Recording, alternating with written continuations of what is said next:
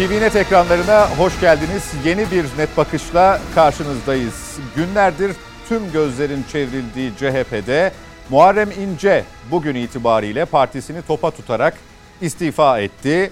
Amerika'dan demokrasi dilenenlerle, Mustafa Kemal Atatürk diyemeyenlerle ne işimiz var Libya'da diyerek mavi vatanı kavrayamayanlarla Türkiye maalesef Azerbaycan'a yardım etti diyenlerle yolumu ayırıyorum dedi Muharrem İnce. Tabii bundan sonra başlattığı hareketi partiye çevireceğini daha önce açıklamıştı. O partide kimlerin yer alacağı, 3 tane geçen hafta e, CHP'den ayrılan vekilin Muharrem İnce'nin partisine katılacağı bilgisini biliyoruz. Ama e, bundan sonrası için e, neler olur bunu konuşarak başlayacağız bu haftaki net bakışa. Her zaman olduğu gibi Mete Yarar bizimle birlikte. Hoş geldiniz Mete Bey. Teşekkürler sağ olun. Araştırmacı yazar genel başkanı İhsan Aktaş bizimle birlikte. Hoş geldiniz İhsan Bey. Ve e, Mücahit Birinci hukukçu bizimle birlikte. E, bir hafta ara verdik. E, bir kez daha başınız sağ olsun diyoruz. Allah razı olsun. Sağ Allah e, mübarek babanıza gani gani rahmet eylesin. Sağ olun. Size Dostlar sağ hayırlı olsun. ömürler versin inşallah. İnşallah cümlemize. Sağ olun. Teşekkür. Ankara stüdyoda ise araştırmacı yazar e, Emre Cemil Ayvalı bizimle birlikte. Kendisine de bir hoş geldin diyelim. Emre Bey hoş geldiniz. Hoş bulduk, iyi yayınlar diliyorum. Ben de Mücahit Bey'e bu vesileyle tekrar başsağlığı diliyorum. Çok Sağ olun önemli bir değeri sağ kaybettik. Allah rahmet Sağ olun. eylesin. Teşekkürler. Teşekkür ediyoruz. Evet e, Mücahit Bey şimdi e, Muharrem İnce beklenen istifasını bugün itibarıyla gerçekleştirdi ama hani sitem diyebilece- diyemeyeceğimiz sitemin ötesinde e, bir e, sıralamayla aslında ben e, özetini geçtim. E, çok önemli kavramları arka arkaya koyarak e, istifasını dile getirdi. Akşam saatlerinde yanılmıyorsam parti sözcüsü Faik Öztrak'tan cevap niteliğinde bir açıklama vardı.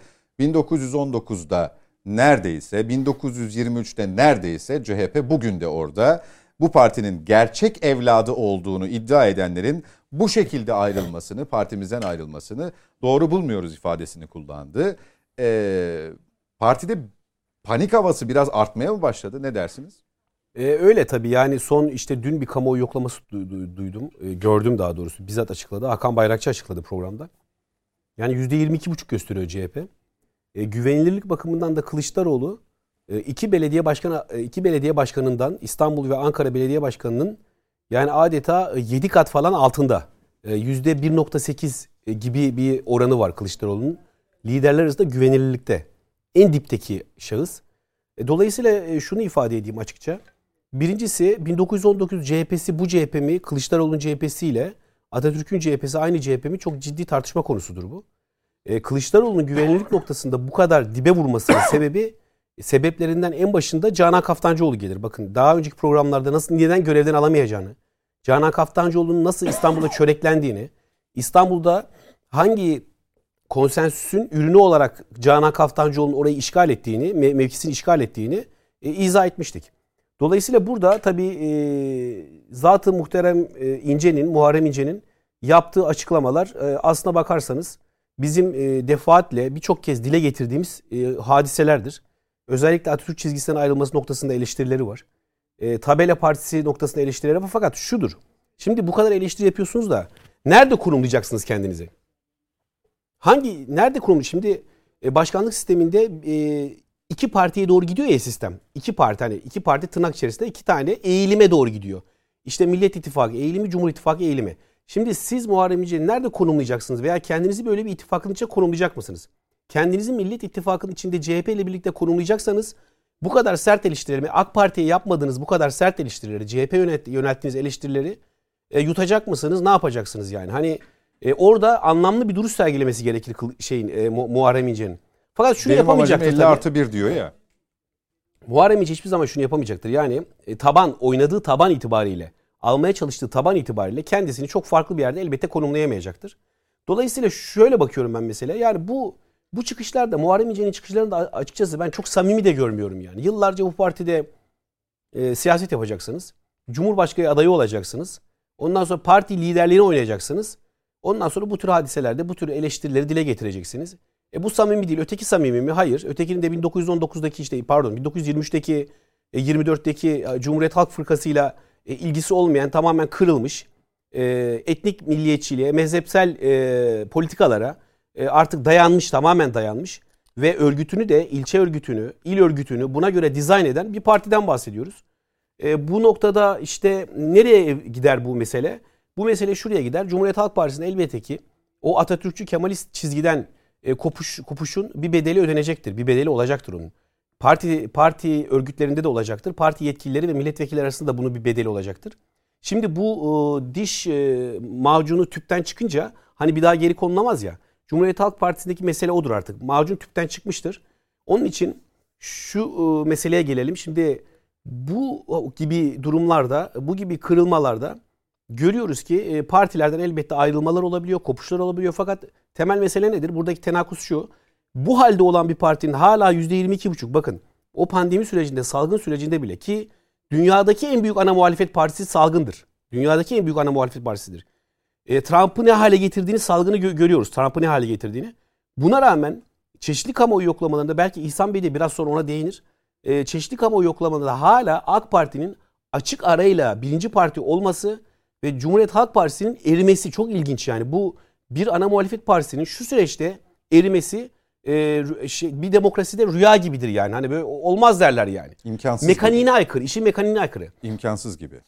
Neden erir biliyor musunuz? İşte siz bu Kaftancıoğlu türü insanları İstanbul'un başında tutmaya devam ederseniz görevden alamazsanız onu Kılıçdaroğlu'nun Cumhuriyet Halk Partisi böyle bir Cumhuriyet Halk Partisi ise o erimeyi de yaşarsınız. Milletvekilleriniz de istifa eder. E, milletvekilleriniz Deva'ya gider, Gelecek Partisi'ne gider, e, e, İnce'ye gider, İnce'nin partisine gider. E bunlara alışmanız lazımdır. Peki. Ben parçalı bir Cumhuriyet Halk Partisi bekliyorum. Bakın seçim falan erken seçimden bahsediyorlar ama ben 2023'e kadar Cumhuriyet Halk Partisi'nden çok büyük bir gövde kalacak kanaatinde değilim. Onu açık söyleyeyim. Peki İhsan Bey, Mücahit Bey diyor ki Muharrem İnce'nin eleştirileri e, çok da samimi değil. E, CHP'nin özünden kaybolması, uzaklaşması, e, altı ok esasını geride bırakması ya da tam anlamıyla ona da uyum sağlayamaması e, ontolojik de bir sorgulamayı belki beraberinde getiriyor ama üç isim için geçtiğimiz hafta istifasını açıklayan üç isim için bu söylenebilir. Ama Muharrem İnce özelinde benim hatırımda kalan Muharrem İnce zaten partide hiçbir zaman arzu edilen, istenilen adam olmadı. Yani Mücahit Bey konuşurken aklıma asansör meselesi geldi. İşte Cumhurbaşkanlığı seçim sürecinde yaptığı konuşmalarda e, partisine yönelik iğneleyici açıklamalar geldi. İşte seçimden sonra adam kazandı beyler e, cümlesi geldi. E, dolayısıyla yeni bir şeyden bahsetmiyoruz. E, belki ayrılış, kopuş süreci gerçek anlamda bugün oldu. Uygulamaya bugün geçti ama öteden beri kendisi CHP'den rahatsız. Öteden beri CHP kendisinden rahatsız. Şimdi Muharrem İnce'nin aslında bugünkü açıklamalarına baktığınız zaman ilk çıkışta verdiği beyanata göre aslında çok merhale kat etmiş. Bir defa Cumhuriyet Halk Partisi'ni hangi konularda eleştireceği, hükümet hangi konuları eleştireceğine dair aslında berrak bir çerçeve çıkarmış.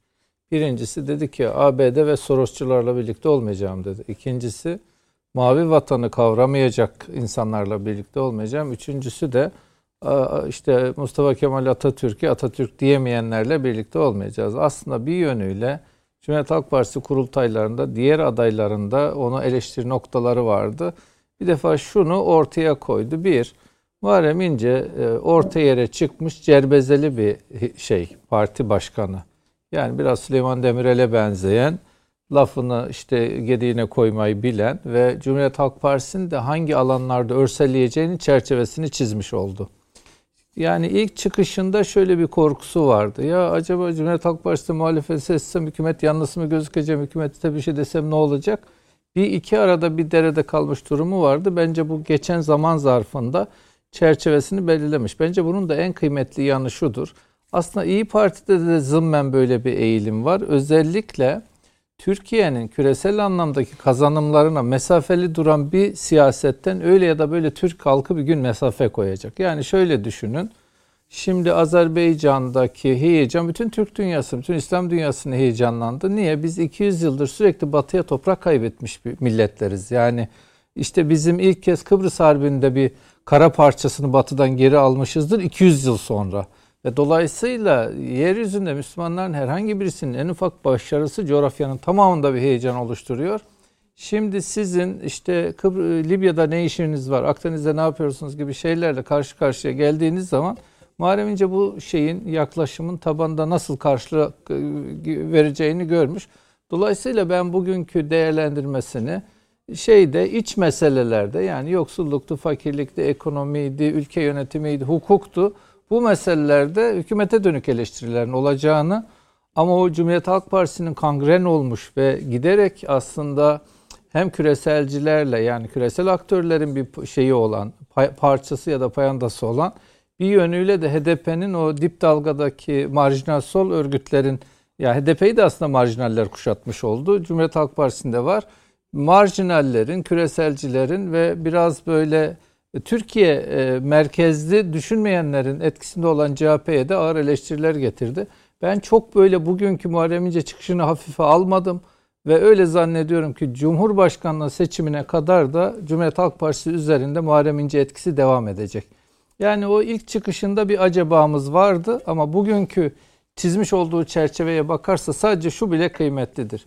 Türkiye'nin uluslararası alanda kazanımlarını eğer bir e, aktör dile getiriyorsa ve burada Cumhuriyet Halk Partisi'nin ayrışıyorsa muhtemelen böyle düşünen Cumhuriyet Halk Partililer de e, onunla beraber ayrışabilirler. Bir de fazlaca vekilin istifasından söz etti. Biliyorsunuz ayrılan partilerin %90 mücadeleleri ayrıldığı partiyledir. Niye? Çünkü oy tabanı orada, oradan oy alacak.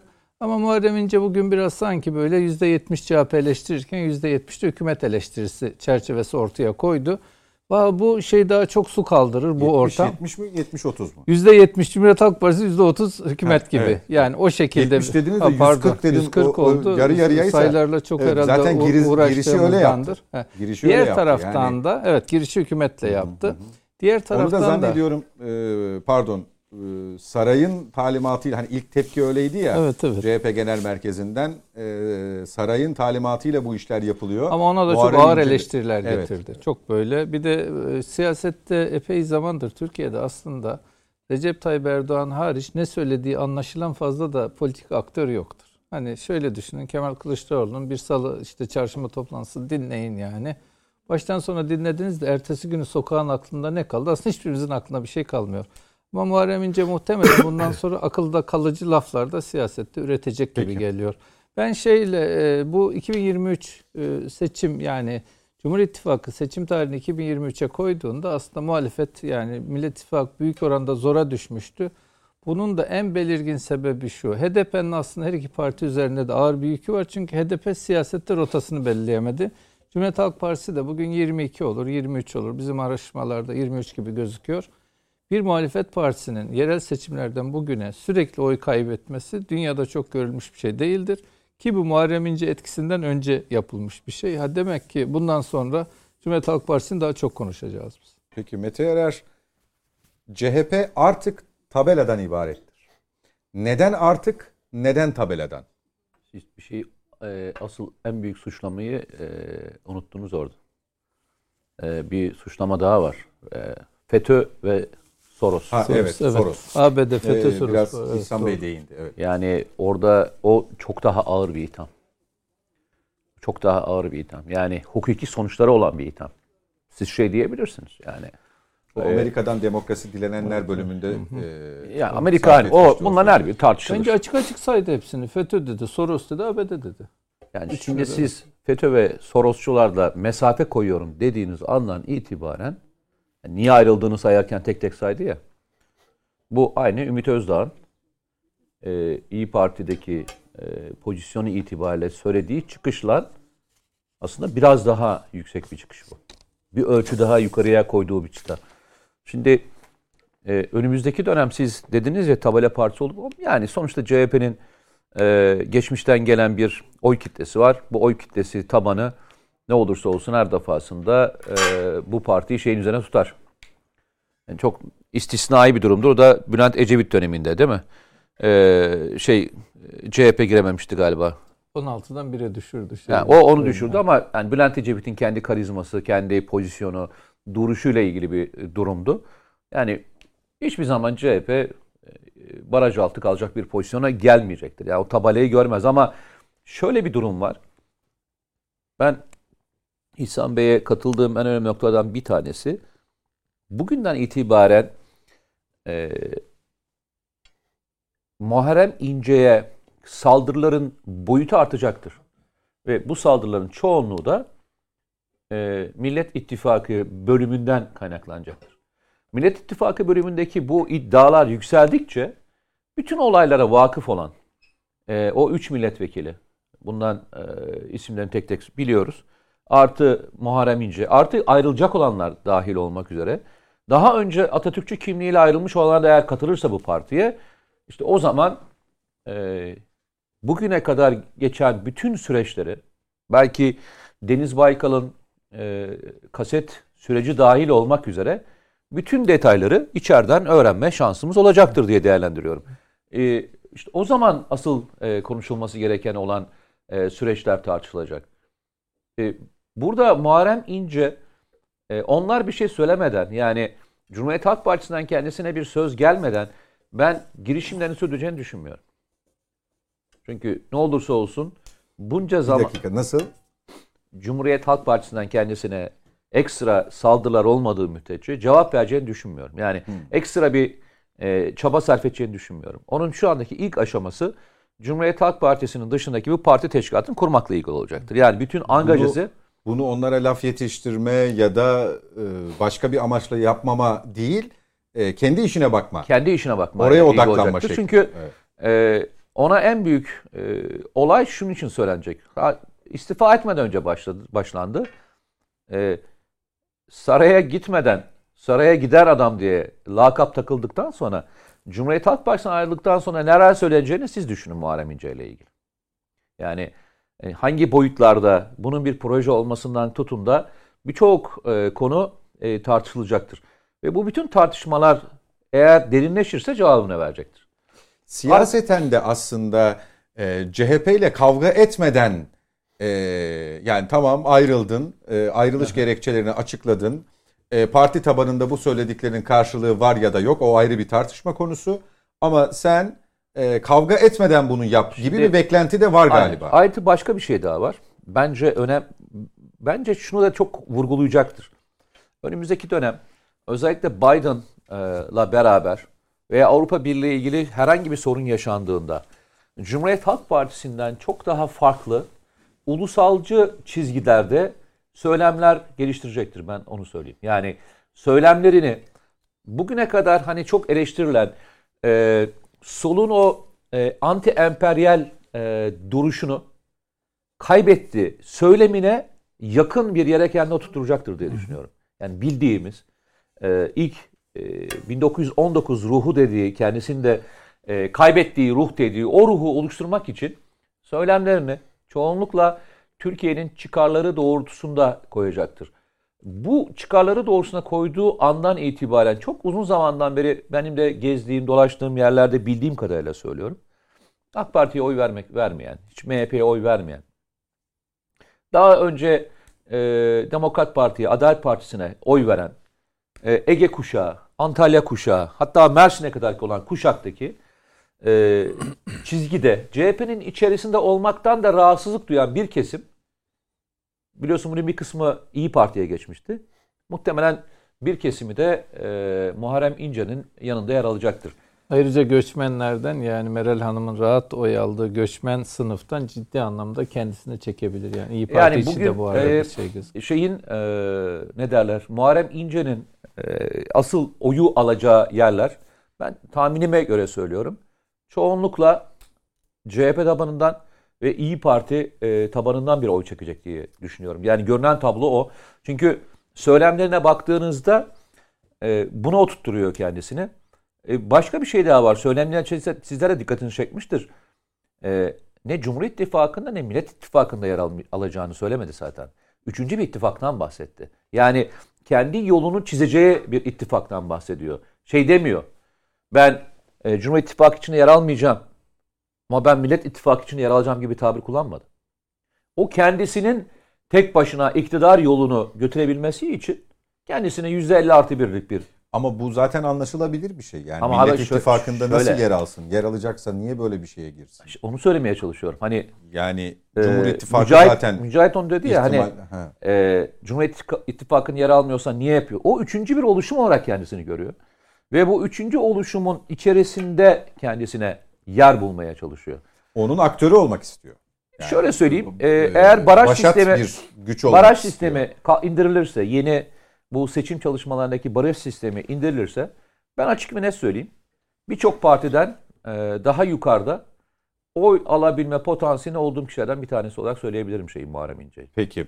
Cemil Yani Bey, benim bu e, şey şahsi e, görüşüm. Çünkü baktığınızda şu andaki şeyi bile, popülerliği bile değil mi?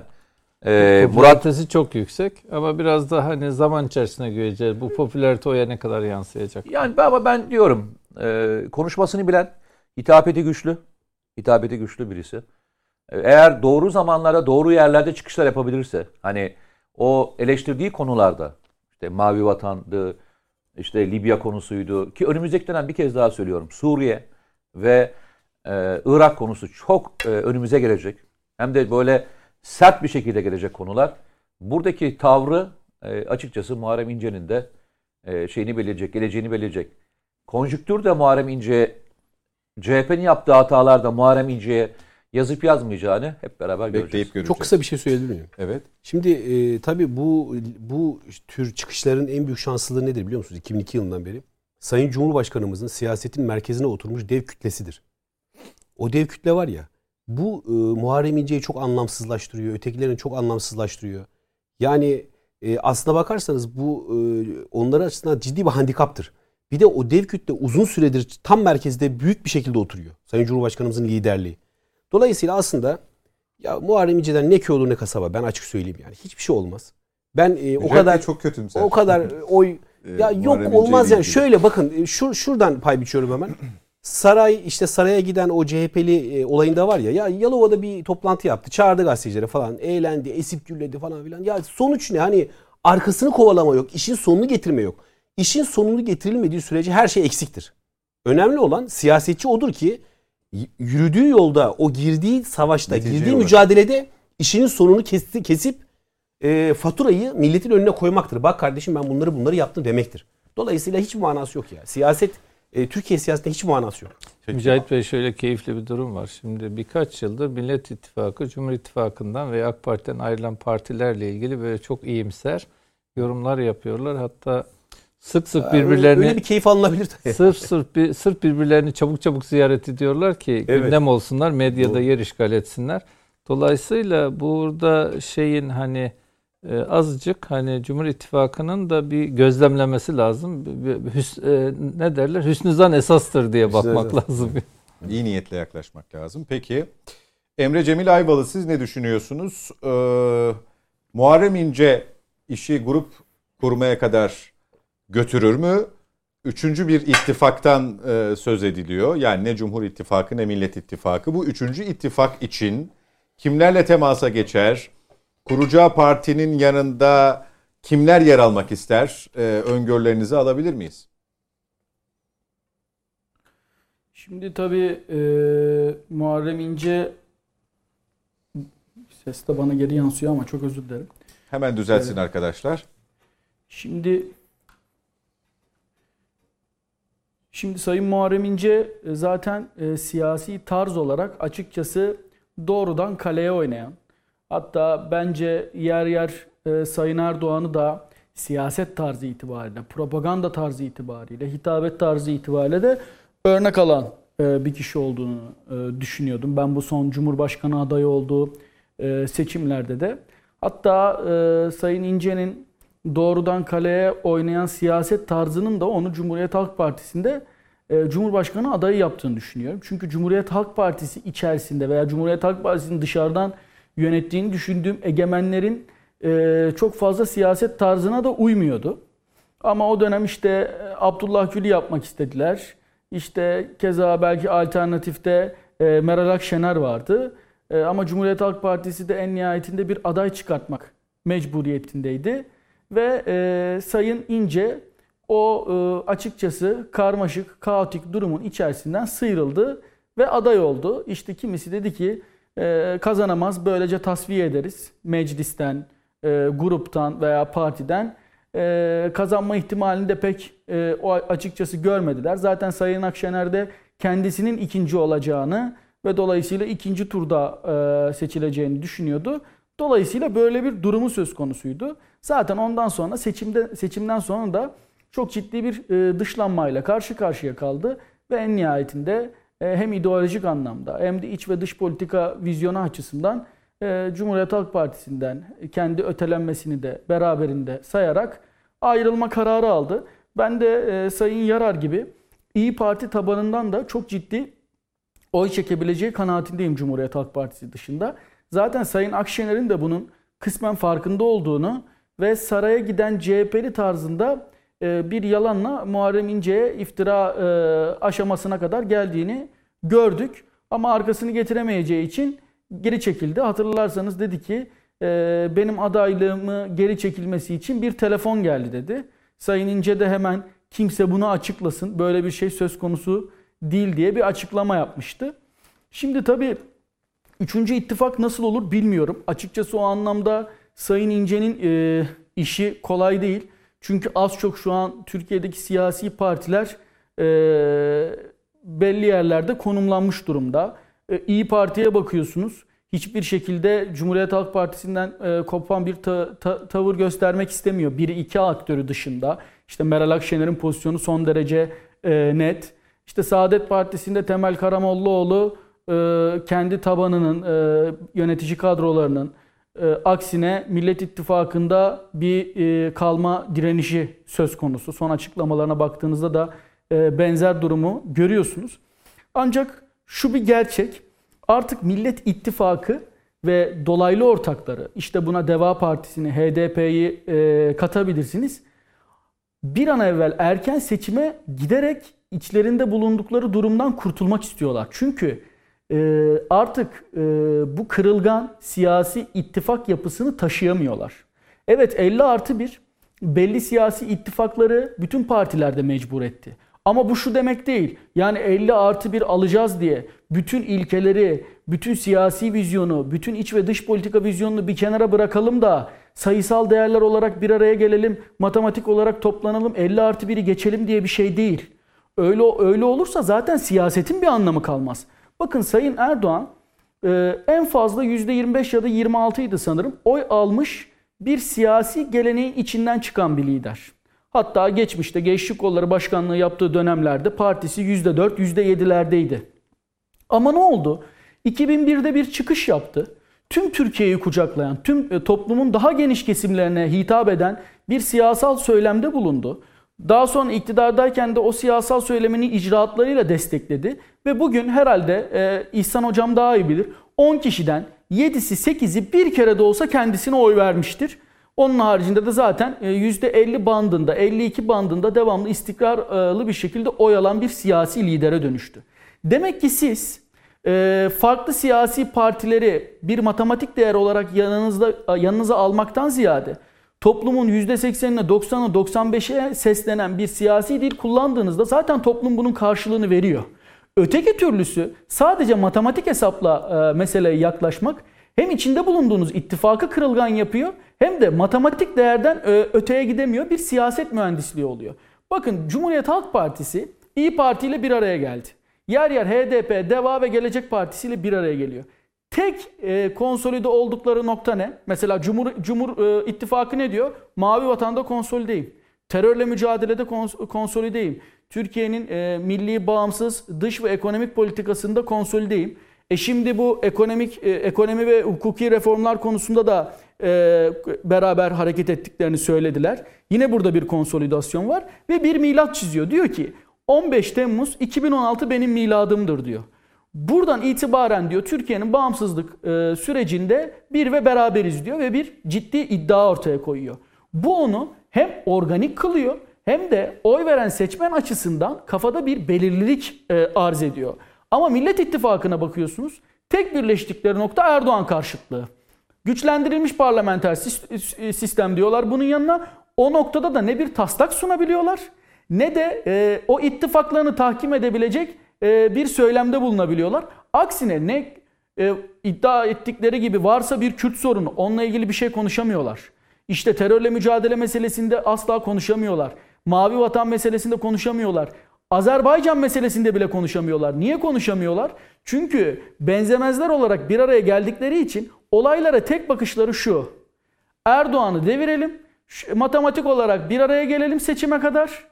Sonrasına bakarız. Bu da onları kırılgan yapıyor. Çünkü en nihayetinde belli bir e, ideolojik altyapıları, sosyolojik altyapıları var.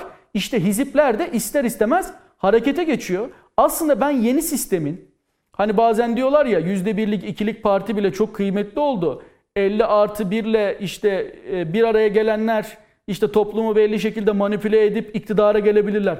Ben bunun gerçekten çok kolay olduğunu düşünmüyorum. En fazla 1-2 yıl yapabilirsiniz bunu. İşte bakın e, Cumhuriyet Halk Partisi 2018 seçimlerinden beri geldi geldi geldi geldiği noktada milletvekili istifaları, e, diğer siyasi partiler her iç ve dış politika meselesinde e, malzeme veriyor. Çok ciddi bir kırılganlık gösteriyor ve parçalanmanın eşiğine geliyorlar.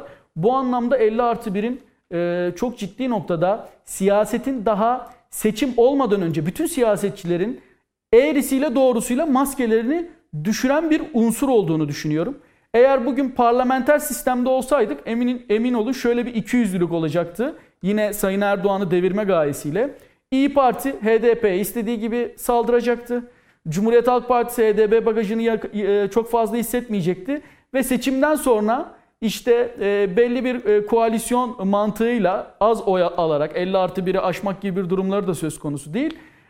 Böyle bir açıkçası yıkım siyaseti izleyeceklerdi. Ama şimdi geldiğimiz noktada kendi Cumhurbaşkanı adaylarını bile isyan ettiren, işte az önce konuklar son derece yerinde ifade ettiler.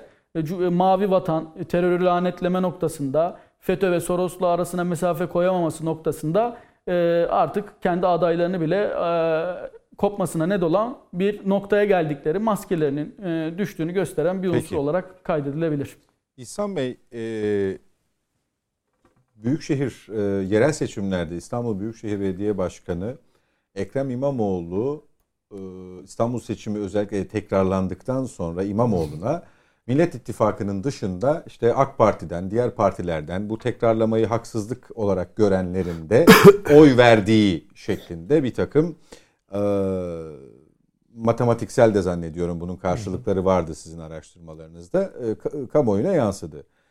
Muharrem İnce sadece küskün CHP'lilerden, ona, ona hak veren CHP'lilerden e, mi oy alır, oy talep eder?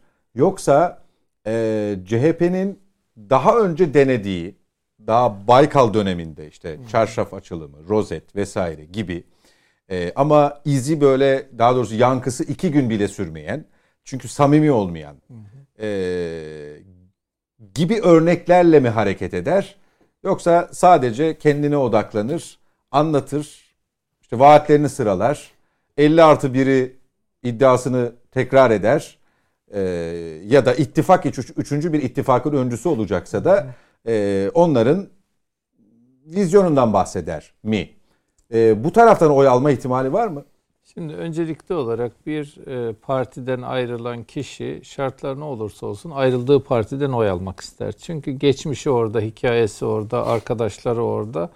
Bir de zaman zaman ben bunu değerlendirdim. Şimdi sadece partiden, bir sağ partiden bir kişi ayrıldığı zaman yani eğer mesela diyelim ki ta işte Refah Partisi'nin kuruluşundan AK Parti'nin bugüne kadar çok derin izler bırakarak geniş kadrolar yanında taşıyan birisi değilse sağ partiden ayrılan birisi iki örneğini gördük. Sadece ayrılmış olur. Fakat sol bir partiden bir hizipten ayrılan birisinin en az 10 yıllık geriye dönük kavgası olmuş oluyor. Hatta partiyle barışık olsa bile hiziplerin kendi içinde mücadelesi var. Yani Cumhuriyet Halk Partisi'nden bir kişi ayrılıyorsa o bir hizbin önemli bir temsilcisidir ve e, ilde, ilçede, kasabada en ufak birimde bile onun didişen, tartışan insanlar var. Dolayısıyla Muharrem İnce'nin birinci talebi şeyden olacaktır. Yani Cumhuriyet Halk Partisi'nden olacaktır. Ayrıca yani hiç hayatında sandığa gitmemiş, oy vermemiş, hiçbir lidere kendisini yakın hissetmeyen kitleler var. Yani en yüksek e, işte seçimlerde %85-87 oy alınıyor veya oy kullanılıyor. Bugün yani %15'i aslında halkın hiç sandığa gitmiyor. Bu kitleden, bu kafası atık kitleden oy alma ihtimali olabilir Muharrem İnce'nin. Ayrıca dediğiniz gibi mesela diyelim AK Parti'nin şöyle bir özelliği vardı.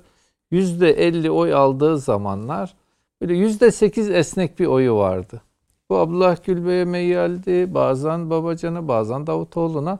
Ama enteresan bir şey oldu. Mesela bu esnek oy kitlesi. Ee, şey İyi Parti kurulduğunda Milliyetçi Hareket Partisi'nden geniş bir kitle İyi Parti'ye geçti. AK Parti'den de o %7-8'lik belki 5-6 da diyebilir. Kitle olduğu gibi Milliyetçi Hareket Partisi'ne geçti. Biraz da ittifak içi olduğu için kolay geçti. Şimdi aslında tabloyu biraz okuyacak olursak AK Parti en kötü şartlarda 40 bandına oturuyor. Milliyetçi Hareket Partisi, İyi Parti ve HDP'nin %10'ar oyu var. Bugün aslında bir yönüyle de en aşağıya doğru esnek parti Cumhuriyet Halk Partisi gözüküyor. Yerel seçimlerden Doğru. önceki o %26 idi şimdi 22'lere düştü. Aynen. Bizim 22.8'di işte hata payıyla 22-23 diyebiliyoruz. Niye düştü? Dolayısıyla o şundan dolayı düştü bence. Bir, e, bence kendisini Türkiye gerçekliğiyle özdeşleştiremedi. Onlar şöyle yaptılar. Ben bugün gündüzde bir yayında söyledim. FETÖ bir Tayyip Erdoğan nefreti, bir Türkiye düşmanlığı, bir meseleleri dışarıdan okuma formasyonu geliştirdi. Bunu PKK perçinledi. Yani PKK da aynı dil üzerinden gitti. Yurt dışından da bunun alıcısı vardı. Yani şöyle düşünün, Can Dündar'ın işte Avrupa'daki faaliyetlerini düşünün. İşte bir sirk maymunu gibi parlamento parlamento dolaşıp Türkiye aleyhtarlığı yapıyor. Onlar zannettiler ki biz Türkiye'yi yani Recep Tayyip Erdoğan'ı Türkiye'yi Batı'ya iyi şikayet edersek, gerçek anlamda anlatabilirsek onlar da bize omuz verecekler. Bu Türkiye'de hikaye bitecek. Ama vatandaş da bunu gördüğü müddetçe, gördüğü sürece aslında Tayyip Erdoğan'ın arkasında daha çok tahkim edildi. Aslında öyle ya da böyle Türk seçmeni, Türk vatandaşı özünde milliyetçidir, vatanperverdir ve ülkesini her şeyden önce düşünür. Bu şeydeki belki HDP'yi millet anlar, HDP'li seçmen de anlar. Şu an mesela HDP'li seçmenin %25'i reflekslerinin birçoğunda Türkiye ortalamasına uygun düşünüyor. Ya Mete Bey'in benim kanaatim neyse o %25'in kanaati aynı. Oy verenler için söylüyorum. Cumhuriyet Halk Partisi'ndeki bu transformasyonu şey çözemedi. Kendi seçmeni çözemedi. Sürekli geçtiğimiz günlerde o ard arda aşırı ifadeler kullanılıyordu ya şeyle ilgili, e, Cumhur İttifakı ile ilgili veya Cumhurbaşkanımızla ilgili. Dediler ki efendim bu dil devam eder mi? Dedim ki ya Cumhuriyet Halk Partisi'nin bu dile ihtiyacı var. Başka elinde şey kalmadı. Şöyle düşünün geriye dönük bir 10 yıla bakalım. Ekonomi, yoksulluk, insan hakları, tarım. Ya Cumhuriyet Halk Partisi'nin akılda kalan bir argümanı var mı? Yok. Ne var? Varsa yoksa Tayyip Erdoğan öfkesi. Ya bu terör örgütlerinde de var. Siyasetçi böyle olmaz ki. Siyasetçi hatta çok enteresan bir şey yakaladım Mete Yarar geçen hafta sıralamıştı. Şöyle bir şey yakaladım bu biraz ben. daha planlı bir faaliyet. Bir muhalefet partisi Üslup. Üslup. Bir muhalefet partisi halka şunu der. Ben geleceğim daha iyisini yapacağım. Ben yaklaşık 5 yıldır bakıyorum. Aslında İyi Parti'nin de dilinde, Cumhuriyet Halk Partisi'nin dilinde de bu var. Hükümet şunu yapsın, bunu yapsın. Ya hükümet zaten yapıyor. Da sen ne yapacaksın? Ha demek ki aslında gelecekte bir iktidar ümitleri de yoktur. Ya Erbakan Hoca %3, %5, yüzde oyu varken ne diyordu? Biz geleceğiz, daha iyisini yapacağız. Bunlar hep e, işte AK Parti işte televizyon olmayana televizyon versin. Gidin kaymakamları arayın. Eğer vermezlerse bana haberdar edin. Gidin şuradan ekmek isteyin veya işte koli isteyin vermezlerse beni arayın. Yani hep hükümetten isteyin. Hükümet yapsın. Ha, dolayısıyla geleceğe dair bir siyaset ortaya koymuyorlar. Ben şeye benzetiyorum. Sadece Recep Tayyip Erdoğan düşmanlığı veya karşıtlığı üzerine yürütülen bir siyaset nereye kadar gidecek? HDP'nin taleplerini örtmüyor. Şimdi yapabilir miyim? Ha, buyurun. Ee, şöyle tabii e, konjüktür de çok değişti. Yani dünyadaki konjüktür e, daha ulusalcı, daha vatansever ve daha milliyetçi bir e, duruma doğru itti bütün ülkeleri. Çünkü artık kavga daha büyük, ekonomik kavga daha büyük. E, pazar payları herkesin çok küçüldü ve bu tek kutuplu dünyada herkes kendi güvenliğini birinci öncelikli hale aldı. Vekalet savaşlarının, asimetrik savaşların yaşandığı bir dünyadan görüyoruz. Yani fütursuzca aynı İkinci Dünya Savaşı öncesi fütursuzluğu yaşıyoruz. Bu söylemde kendinizi doğru yere konumlanmazsanız zaten e, insanların vatan sevgisi ve ulus sevgisi otomatikman e, devletin yanında yer almayı gerektiriyor. Siz hangi söylemde bulunursanız bulunun. Demin e, Üstad'ın söylediği şey bence en doğrulardan bir tanesi o. Yani altın çizilecek şeylerden bir tanesi. bütün paydalara baktığınızda herkesin partiler üstü bir konumu daha var. O da Mesela- mesela- o da o da vatan. Yani bu ne O işimiz var Libya'da diyerek mavi vatanı yani seçilmiş kelimeler. Va- mavi vatanı kavrayamayanlara diyor mesela. Şimdi işte diyorum ya e, şimdi orada e, net olarak ifadelerin her birinin muhatabı var. O ifadeyle kullanılanların her birinin Şöyle, ifa- çok şeyleri iyi var, yerleri var. çalışılmış, e, her nereye nasıl mesaj vereceğini paketlemiş, Ben göndermiş. e, konuşma Ve- metninin çok e, doğru bir metin Öze- özenle hazırlandığını. Her bir cümlenin nereye gideceği belli, çerçevesi belli. Bence kendi siyasetin nasıl yapacağı da Yani belli. Ben e, bu Bekaroğlu dahil orada geçiyor ismi yani. Mete Bey'in e, girmiş olduğu konuyu ben şöyle yakalamıştım. Bu Amerika Birleşik Devletleri ile Türkiye, Libya, şeyde Suriye'de ters düşünce yani müttefikken rakip haline gelince aslında Türkiye geriye dönüp şuraya baktı. E, her devlet aslında sonra birçok devlet Türkiye'yi taklit etti bu konuda. E, bizim müttefik ilişkileriyle veya işte bir takım dost çevrelerle alacağımız bir yol yoktur. Öncelikli olarak kendi ulus devletimizi tahkim edelim, kendi gücümüzü oluşturalım. Hani sonra gücümüzü tahkim ettikten sonra başka devletlerle elbette ki diyalogumuz olacak. NATO ile, Amerika ile, Rusya ile ve bence bu ulus devleti tahkim etme bilinci konusunda Türkiye dünyaya öncülük etti. Bu da coğrafyadan kaynaklı. Yani başka coğrafyalar belalarla daha geç Hayır, diğerleri kaybediyor. yüzleşiyorlar. Hadi bir de kaybediyorlar. Daha geç yüzleşiyorlar. Yani Suriye bölündü. Irak yani bölündü mü bölünmedi mi bilmiyoruz. Ee, Ukrayna toprak kaybetti. Gürcistan toprak kaybetti. Ee, Azerbaycan daha yeni topraklarını daha yeni kurtardı 30 yıl sonra. İran kaç yıldan beri ambargo altında. Bu arada büyüyebilen bir tek devlet var arada. Yunanistan çöktü ekonomik olarak baktığınızda. Türkiye. 2040 yılına kadar yok yani Yunanistan diye bir kavram yok. Sen ortada ya bu da şunu şu değil yani. Hani onlara saldırdılar, bize sal bizi pas geçtiler. Değil yok. Ya ben bir şey söyleyeyim. 2008'den beri bu ülkeye yapılanların tamamı herhangi bir sıradan ülkeye yapıldığında ya darbe oluyor ya ülke çöküyor. Bak herhangi bir sıradan bir tanesi. Biz yaklaşık 8 tane 10 tane birazdan 7 Şubat'ı konuşacağız. O yüzden girmeyeceğim. Anlattığımda bu ülkeye yapılanların diğer ülkelere yapılanların balans olarak yani basınç olarak en az 10 kat olduğunu ben size ispatlayacağım biraz. Ben bir cümleyle tamamlayayım. Aslında karşılıklı gidiyoruz. Şeyde bir Aslında oluyor, Fransız Fransız entelektüelle bir akşam bir konuşmamız olmuştu. Çok kıymetli veriler edindim. Dedi ki ya Türkiye riski gördü. Ulus devletini takip etmek için bir çerçeve oluşturdu. İnanır mısınız çaktırmadan teker teker bütün Avrupa devletleri aynı yoldan gidiyor. Yani şu an Fransa'nın Avrupa diye bir derdi yoktur. Fransa- ayrıldı işte. Fransa paçasını nasıl kurtaracak onun derdinde. Almanya'nın tam Almanya diyor biraz daha bağımlı bize göre. Öteki devlet nasıl kurtaracak onun derdinde. Yok Aslında artık Almanya hiç kimseye Ha, bağımlı değil. Türkiye'nin yaptığını, Türkiye'nin yaptığını diyor kademe kademe bütün Avrupa devletleri yapıyor ki başka da çıkarımız yoktur diyor. Biraz şartlar diyor. Birinci Dünya Savaşı öncesi durum gibi her devlet kendi ulus devletinin e, şeyini çıkarını korumak durumunda. Yani dolayısıyla aslında biz coğrafyamızdan dolayı erken test ettiğimiz şeyi işte 4-5 yıl sonra Trump yaptı Amerika'da. Dolayısıyla böyle bir de gidişat var. Yani daha milletlerin kendi ulusuna baktığı, daha kendi çıkarına baktığı bir döneme. Bizim bu küreselciler zaten Cumhuriyet Halk Partisi hayatta her şeyi ıskalamıştır da. Muhtemelen bu dönüşümü de ıskaladı. Ben Muharrem İnce'nin bu anlamda, bu milliyetçilik damarından, Atatürkçülük damarından bir pasta koparacağına dair bir kanaatim. var. Milliyetçilik değil ama vatanseverlik ve ulusalcılık damarından yürüyeceğini düşünüyorum. Yani Muhtemelen. milliyetçilik damarına Biraz da öteki girmez ama koy. yani e, ulusalcılık e, ve diğer e, Oraya giremeyişinin sebebi de belli zaten ama Ya İyi Parti orayı Evet, İYİ Parti. yaklaşık bir seneden beri tahkim etmiş durumda. E, Ben aslında e, Türkiye'nin so- ya ben gerçekten hani siyasetten gerçekten hiç anlamıyorum. Ama ben şunu gör yani şunu görüyorum hani gezerken, dolaşırken, insanlarla sohbet ederken bir geçmiş e, geçmişteki bir durum var. Bir de şimdiki durum var. Yani şöyle mi zannediyoruz insanları? Bundan 10 sene önce insanlar vatanseverdi. Bu sabah kalktılar 10 sene sonra dediler ki ben artık vatansever değilim. Öyle bir, öyle bir şey var mı dünyada?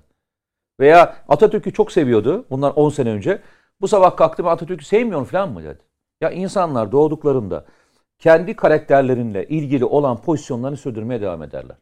Yani seçmene muhtemelen siz sormuşsunuzdur. Bundan 20 yıl önce kendinizi nasıl tanımlıyorsunuz sorusuyla bugünkü nasıl tanımlıyorsun sorusu arasında çok büyük farklılıklar yok. Yani o zaman da kendisini milliyetçi muhafazakar olarak tanımlıyorsa şimdi de milliyetçi muhafazakar olarak tanımlıyor. Değil mi? Ana şeyler, ana karakterler Bir değişiyor. tek partisini değiştiriyor. Nokta. Yoksa kendi karakterini, duruşunu, hayata bakışını yani topluma bakışını hiç değiştirmiyor ki. Gerçekten değiştirmiyor yani. Ya bu böyle bir şey değil. Bazı sevgiler, bazı e, kazanılan değerler e, zamanla e, azalmıyor yani. Ama Artıyor. önceden biraz daha e, babadan oğula bir durum vardı. E, şimdilerde onu göremiyoruz. İşte Z kuşağı muhabbeti de o yüzden çıktı ya. Ya, Ya sen de benim yapma dedem bari. Demokrat Partili. Yapma, vallahi hayır hayır ben yapma. ben ben de gördüğümü söylüyorum ama. Yani şimdi bugün babam falancaya oy verdi. Ben de ondan oraya oy vereyim ya da ben öyle bir duruş sergileyeyim diyen genç sayısı ne kadar? Bizde de öyle değildi. Bizim zamanımızda da öyle değildi. Ya şu oldu aslında. Yani tabii. bizim zamanımızdaki babalarımızın verdiği partilerle bizim dönemimizdeki verdiğimiz partiler aynı değildi ki. Bilgi hiyerarşisinde köklü bir değişiklik oldu. Hani bu çağ değiştirecek bir şey. Eskiden nihayetinde hiyerarşik olarak bilgi babadan oğula geçerdi. Ve o babanın e, bilgisiyle beraber otoritesi de aşağıya yansımış olurdu. Yani çocuk babasının gözünün içine bakardı bir bilgi edinmek için. Şimdi şartlar değiştiğinden dolayı çocuklar babasının gözünün içine şey babalar çocukların gözünün içine bakmaya başladı. Ben böyle küçük bir örnek vereyim. Bu Amerika'daki yürüyüşler olduğu zaman Bizim delikanlı dedi ki ya baba dedi konfederasyon bayrağı dikkatini çekti mi? Doğrusu ben konfe- konfederasyon bayrağı daha önce hiç görmemiştim yani. Bu, bu ne dedim? Dedi ki eyaletlerin ayrılmasını simgeleyen bayrak. Yani federasyon değil konfederasyon. E bari dedim alt gruplarda neler oluyor? Bu gösteri yapan gruplar kimler? Şimdi 10 ayrı fraksiyon hakkında bilgi verdi. Ama şöyledir ben şunu gördüm. Ya bu Z kuşağının işte AK Parti'ye oy vermediği veya o işte bizim yaptığımız bütün araştırmalarda AK Parti'nin kendi kitlesinin %10'u kadar gençlerden düşük oy alıyor. Ama mesela gördüğümüz bazı uygulamalar var. Mesela Konya'da, Kocaeli'nde hatta İstanbul'da Sancaktepe ve Esenler'de öyleydi.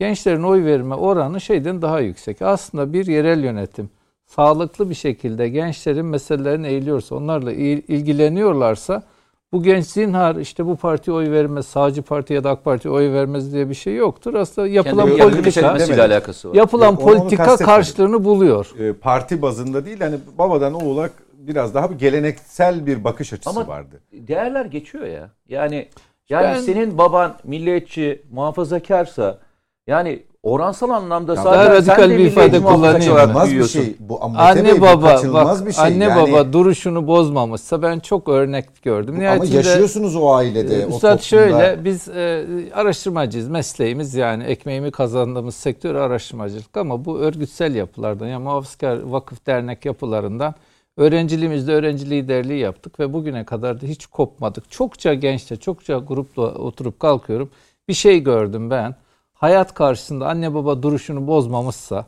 çocuk keyifli anne babasının arkasından gidiyor. Ama şimdi Bunun bunun dönemi de yok. üstelik. bunun dönemi de yoktur ama şöyle de olmuşsa ya Tabii, tabii. kişi işte kazara 15 gün milliyetçilik, 15 gün İslamcılık, 20 gün şunu kazara yapmış da o 15 günlük İslamcılığını 40 yıldır çocuğuna pazarlıyorsa ve o pazarladığı meselede yapıyor. de tutarlı değilse böyle çok Ters üstenci çok şu bu. Geçen bir e, şeyle ilgili bu iyi şeyler moda olabilir mi diye bir yerel yönetim başkanı bir talebi olmuştu. Çalışıyoruz. Çok da keyifli geldi bize. Şimdi gençlerle bir şey yaptık. Zoom'da bir toplantı yaptık. Ee, bize bir sosyoloji profesörü dedi ki ya dedi bizim bir arkadaş çocuklara bir şeyler soruyorum sürekli yani diyorlarmış. Yani yani falan.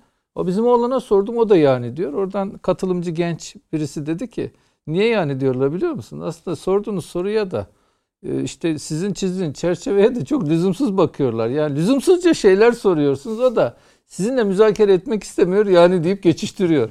Ha dediler yani'nin felsefesini çözdük bugün. Dolayısıyla şimdi e, Hazreti Adem'den bu yana o dönemde demiştir ya bu gençlerin hali ne olacak? Gençler her zaman sorgulanmıştır. Fakat e, meseleyi rasyonel ele almak lazım. Böyle Gençler abartılı, iyi, uçuk. gençler iyi. Ve bazen de şöyle düşünün o işte o internette uyur gezer gördüğümüz çocuklar o kadar bilgilere vakıf oluyorlar, o kadar detaylar okuyorlar ki bence şöyle bir kayıp açısından Bizim yakalayamadığımız birçok şeyi fark ediyoruz. yakalıyorlar. Bir abartmamak lazım. Ya bu kopuşu da abartmamak lazım. Ya kopuş yok ama ya. Yok şöyle Yok diyorum. yani kopuş yok yani.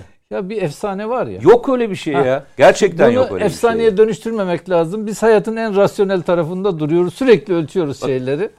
Hatta dindarlıkla ilgili bunu da söyleyeyim de biz e, SETA ile beraber ortak bir araştırma yaptık. Araştırmada ne çıktı biliyor musun? Gençler arasında yaygın dindarlık artıyor.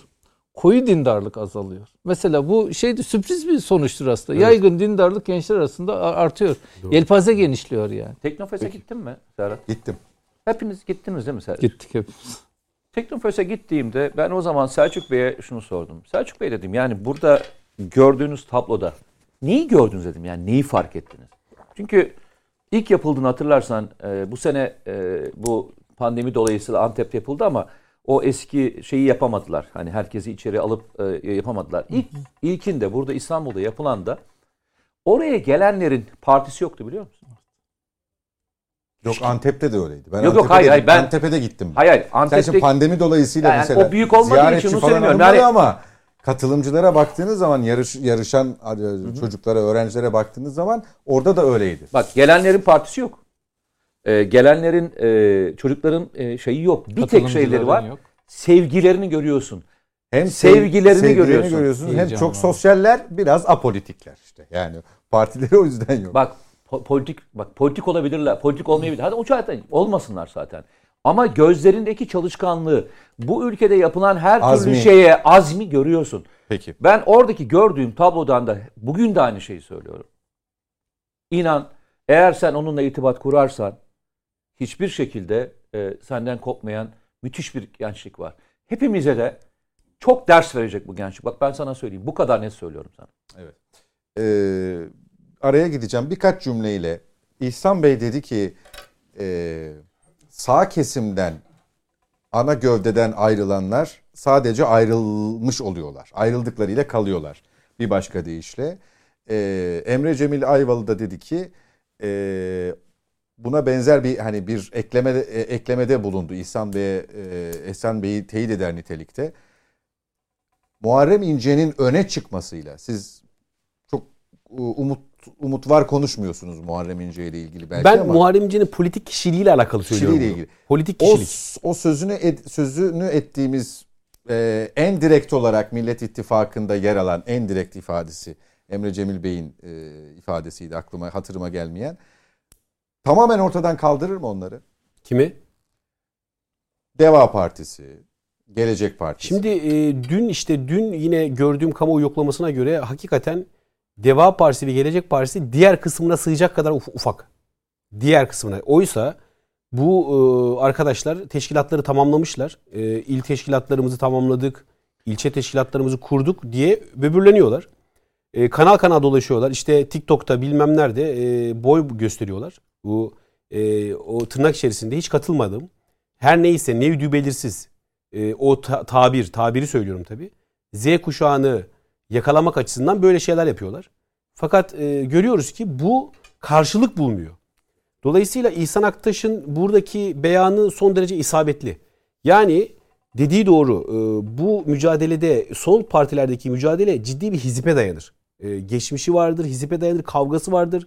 Kılcallara kadar o kavga kahvehanelerde karşılıklı kavga halinde devam eder yani. Aşağılara kadar iner o. O e, eğer bunların ayrılması kırılma kırılma oluşturur. Biraz önceki ifademde şunu söylüyorum bakın. Şeyin e, İnce'nin politik kişiliğiyle alakalı ben bu şeyi elbette ki bir yerlerden oy alacaktır tabii yani. Cumhuriyet Halk Partisi'nden oy alacaktır. İyi Parti'den oy alacaktır. Biraz önce işte Trakya seçmeninden oy alır alır. İşte Yalova'dan oy alır mı alır. Ama e, Ben buradaki Ege'den, politik Ege'den de çok ciddi oy alacağım. Tamam. Ama buradaki politik kişiliğe şunu söylemeye çalışıyorum. Umut vaat etmek var ya umut. Umut olmak. Bir rüzgarı arkasına almak. Hani o dip dalga falan diyorlar ya. o bir, o bir, bir- an önce olacak bir şey değil ama. Değil işte Yani onu söylüyorum. Yani şunu söylüyorum. Hani bu tartışıyoruz bunları da. Sayın Cumhurbaşkanımızın o dev kütlesi bak tekrar ediyorum. Siyasetin merkezinde durduğu sürece e, bu tartışmalar belli oranda manasızdır. E, onu ifade etmeye çalışıyorum ben. Ama tabii ki alacaktır. Belki 3-5 gölgede- Cahit Bey Belki reklam gölgede- arası 3-5 neyse- olmasaydı biz 10 yıldır tartışıyoruz ya muhalefet neden düzelemiyor. Ben diyorum ki ya muhalefetin AK Parti gibi bir sorunu var. Büyük parti, ana parti %50 oyu kendi ötesinde tuttuktan sonra yani E, tabii canım. hangi muhalefet Belki canlanacak ki gölgesinden yani? istifade etmek Dolayısıyla istiyor. çok doğru, çok doğru. Belki gölgesinden istifade Ya etmek şöyle ben açık bir şey söyleyeyim. Ya Toplayalım bu lütfen. bu bu siyasilerin e, örnek alma noktasında Emre e, kardeşim güzel bir şey söyledi. Bu siyasilerin hakikaten siyaset etme tarzını bir siyaset etme tarzı ve bir e, hani ortaya siyasi doktrin ortaya koyuluyor. Doktrin var. Dolayısıyla bunu örnek almalarını ben dilerim. Genç neslin de siyasete meraklı genç neslin de Sayın Cumhurbaşkanımızı iyi takip etmelerini dilerim. Peki Emre Cemil Bey özür diliyorum. Ee, reklam vaktim geldi. Bu bölümde söz veremedim. Son bölümde dönüşte sizinle başlayıp bir başka başlık açacağım. Bu konudaki görüşlerinizi aldıktan sonra araya gidiyoruz efendim. Reklamların ardından net bakışa devam edeceğiz. Bizden ayrılmayın.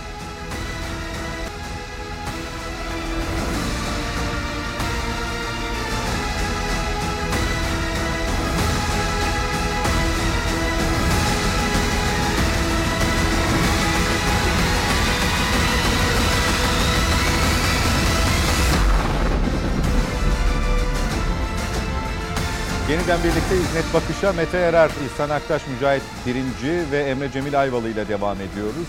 Araya gitmeden önce bir önceki etapta Muharrem İnce ve kuracağı partinin getireceği yankı, ses, oluşturacağı kamuoyunu konuşuyorduk. Ee, son söz Emre Cemil Ayvalı'da konuyla ilgili biraz daha toparlayıcı mahiyette. Sonrasında ikinci konu başlığımız olan MIT kumpasına geçeceğiz. Emre Bey buyurunuz. Ee, Ben çok kısa Muharrem İnce'nin partisinin dışında bir de e, bu Z kuşağı ile ilgili meselelere ilişkin birkaç söz söylemek istiyorum uzatmadan. Ee, Ben bu Z kuşağı meselesinin e, biraz fazla abartıldığı gençlere de yani genç biz de genciz ama hani o daha o yaşlardaki gençlere de biraz e, fazla e, sorumluluk yüklendiği kanaatindeyim. Şöyle, Manipüle de edildiğini bence gençlik hiçbir zaman efendim Manipüle de edildiğini düşünüyor musunuz? Tabii manipüle ediliyor. Bir de şöyle ya gençlik ya, yani bir yaş üzerinden e, kategorize ediliyor ve sanki ayrı bir e, sınıfmış gibi, toplumsal sınıfmış ve homojenmiş gibi anlatılıyor. İşte Z kuşağı şu özelliklere sahiptir. İşte atıyorum sorumsuzluk çok fazla e, atfediliyor. İşte fazla özgürler. E, bu özgürlüğü biraz negatif anlamda e, Tera- terazi burcunu İşte- tarif ediyorlar değil mi? Çok farklı bir Tabii ve çok farklı Sen bir dil kullanıyorlar. Ya Burç öyle ama çok farklı- şey güzel çok farklı-. Çok farklı bir yaşam tarzına sahipler. Ya hayır ya. Toplumun genelin toplumun geneli neyse bu gençler de ondan nasibini alıyor ve her şey bence fıtrata uygun ilerliyor. Ee, bu da yani 2000-3000 yıl öncesine kadar örnekler veriyorlar da daha yeni işte 1890'larda yazılmış e, iki kitap iki, kitap okudum. Bir tane ikisi de e, e, Fransız yazarlardan çıkma. Bir tanesi irade terbiyesi diye, bir tanesi de Gustavo Le Bon'un bu kitleler psikolojisi. Gerçi herkes çok eskiden okumuş ama bana daha yeni nasip oldu. Orada da mesela bu gençlerle ilgili bugün aşağı yukarı ne deniyorsa o zaman da benzer şeyler söyleniyor. İşte mesela her seçimde kampanyalarda muhakkak şu olur. Ya aşağıdan işte şu kadar milyon genç geliyor. Bunların dilini yakalayamayan e, siyaseten çöker.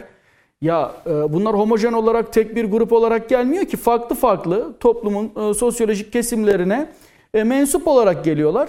İşte en basitinden örneği ör- e, verilecek örnek şu somut. 20 yıldır Adalet ve Kalkınma Partisi güya gençlerin dilini anlamayan e, parti ama 20 yıldır herhalde her seçimde de e, 1 milyonun üzerinde 18 yaş altı seçmenin dahil olduğunu düşünürsek yani oyunu 10 milyondan 25 milyona kadar getirmiş e, bir e, parti var.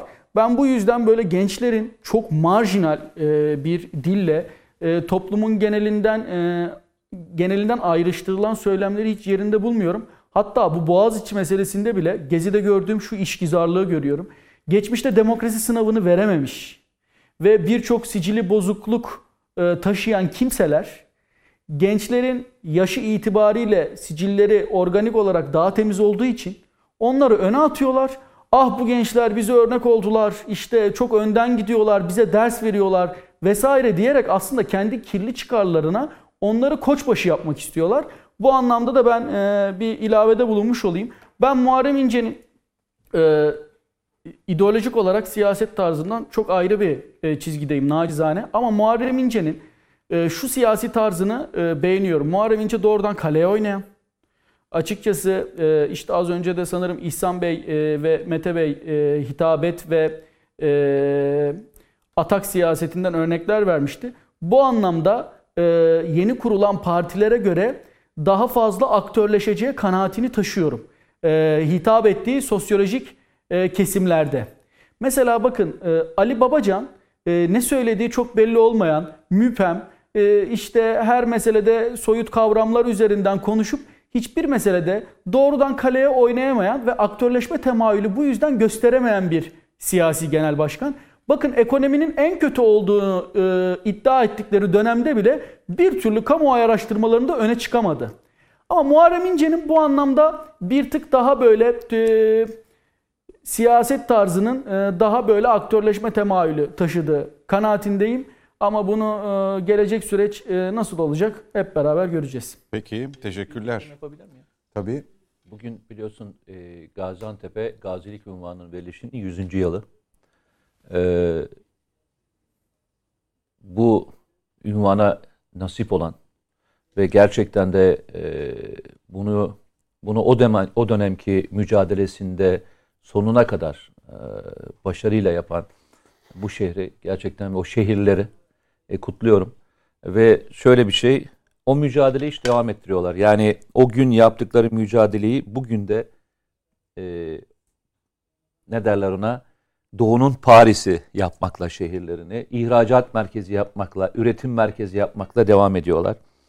Atatürk onunla ilgili bir tabir kullanıyor. Türk'üm diyen her şehir, her kasaba ve en küçük Türk köyü Gaziantep'leri kahramanlık misali olarak alabilirler diyor. Ben bir kez daha 100. E, gazilik ünvanı alışlarını e, Biz de kutlamak kutlayalım istiyorum. efendim bu vesileyle. Anteplilere Bugün selam. törenler de düzenlendi. Antep, Gaziantep'te. Antep deme çok kızarlar. Gaziantep'lere selam. Ee, bu bahis bahsi kapatıyoruz ama e, Emre Bey konuşurken aklıma geldi.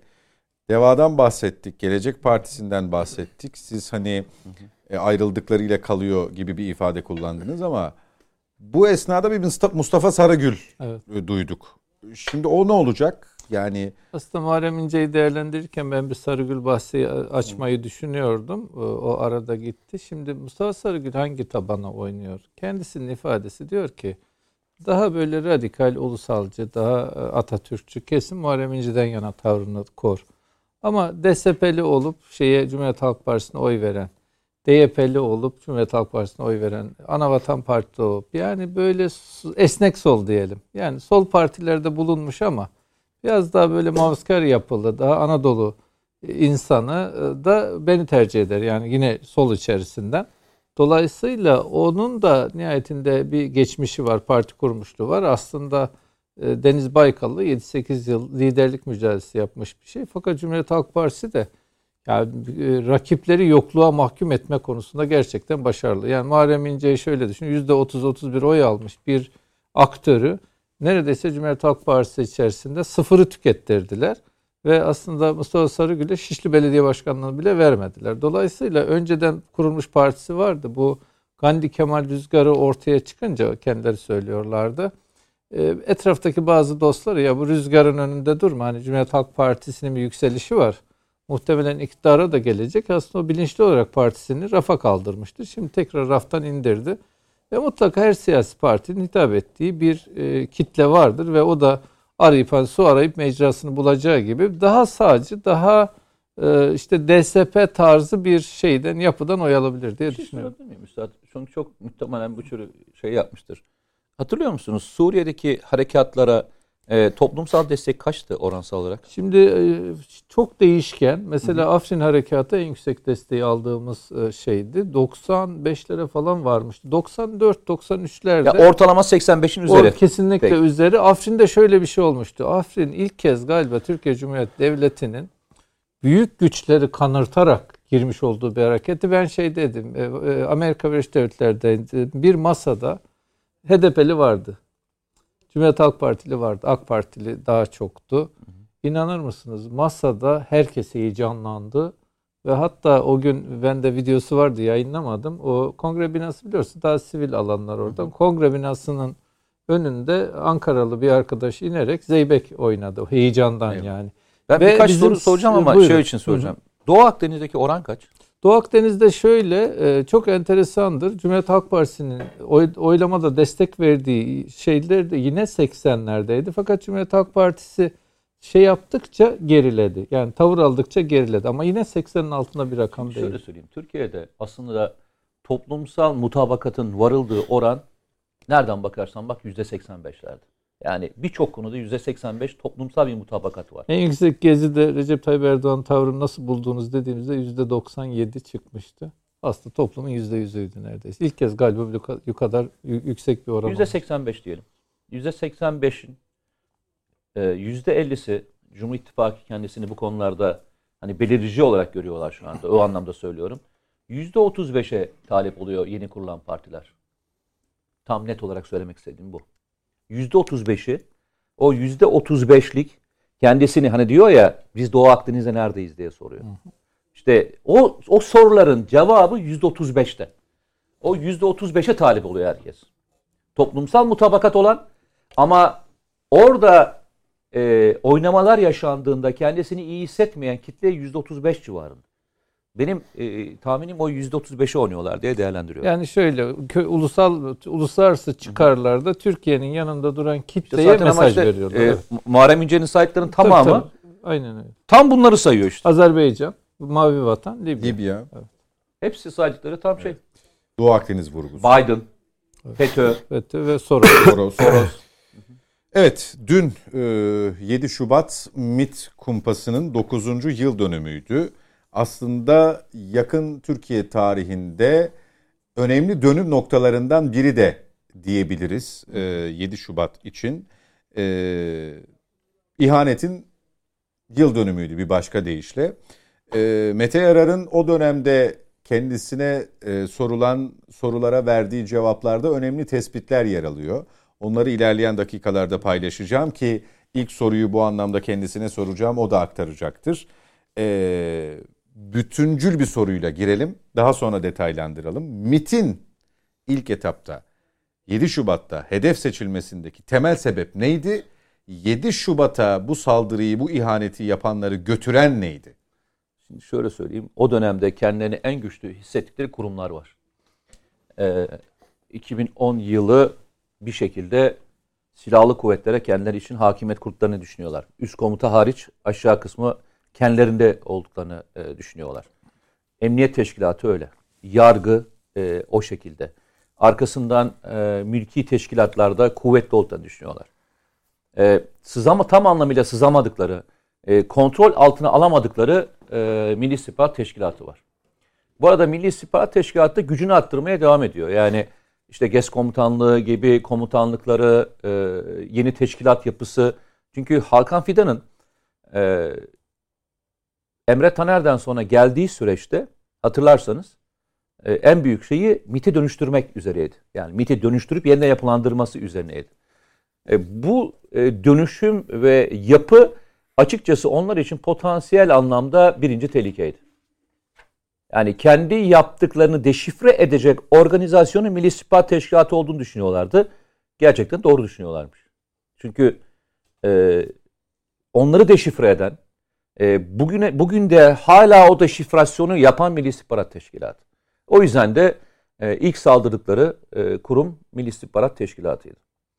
E, daha önce hatırlarsan 2000 e, işte kumpas süreçlerinde yaşadığımız süreçlerde e, kendilerini daha önceki daha sonraki dönemde kendi önüne gelecek olanları temizlemek için bir operasyon yapmışlardı.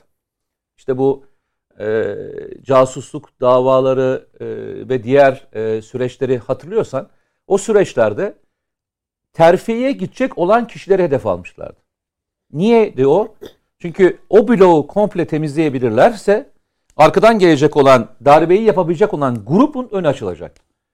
Bunu hedeflemişlerdi. Bir şekilde başarmışlardı. Yargıda, yargıdaki kendi güçleriyle ve polis teşkilatındaki güçleriyle beraber.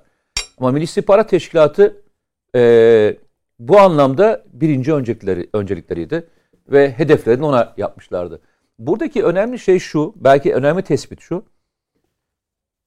Devleti direkt hedefe alan ve siyaseti direkt hedefe aldıkları en büyük operasyon e, 7 Şubat krizidir. İlktir. Diğerlerinde e, başka türlü siyaset hedef almamışlardı. Yani onlara göre balyoz, ergenekon e, kumpasları gibi kumpaslarla başka e, amaçları örtüleyerek gitmişlerdi. Ama 7 Şubat'ta ben de zaten e, 7 Şubat'ta gecesi söylediğim olay oydu. Bu Milli İstihbarat Teşkilatı Başkanı'na veya işte şimdiki e, o zaman müsteşardı. Milli e, İstihbarat Teşkilatı müsteşarına yapılan bir hareket değildir demiştim. Çünkü Milli İstihbarat Teşkilatı müsteşarı o günkü yaptığı bütün eylemleri ve fiiliyatı dönemin başbakanın talimatıyla yapmıştı.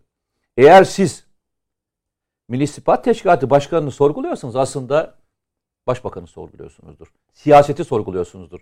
Asıl e, hedef Sayın Başbakan'ın kendisidir demiştim.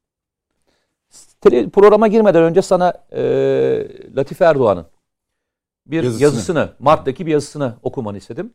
Örneğini vereceğim ki 7 Şubat çok daha net olarak anlaşılsın. Daha sonra daha da önce bir örneği vereceğim. Bu örneği birçok kişi hatırlar. Çok sıklıkla verdim ben bu örneği çünkü. Bakın dedim.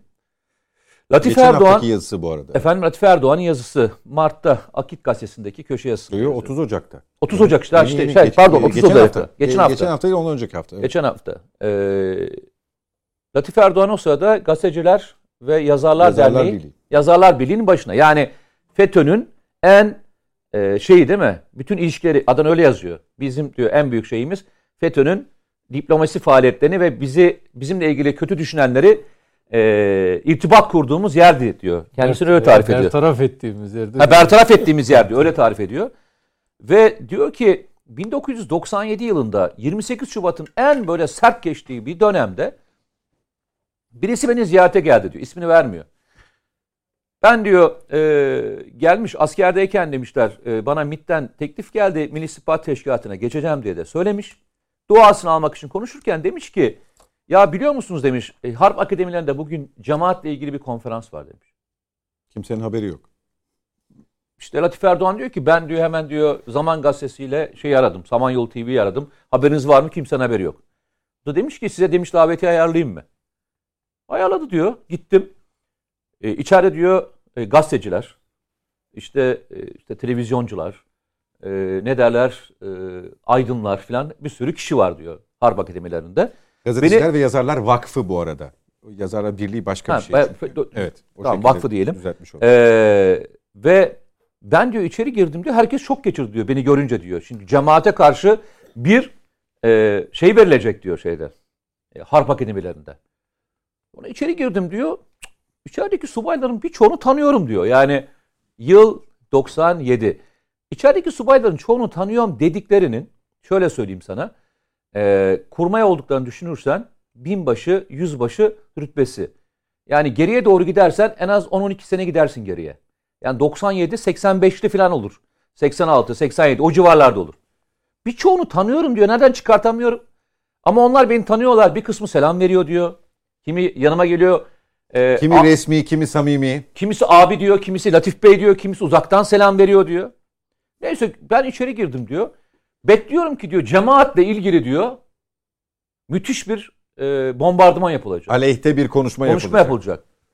Konuşmacı diyor cemaati cemaate karşı çıkmak vatan ihaneti şey vatan ihanetidir diye İhaneti vatanla eşdeğerdir diye bir ifade kullanıyor. diyerek bitiriyor.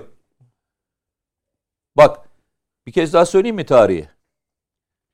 1997 28 Şubat dönemi. 28 Şubat dönemi konuşmanın yapıldığı yer Harp Akademileri ve e, içeridekilerin tamamına yakını da gazeteci ve e, İstanbul Erkanı. Şimdi düşünebiliyor musun?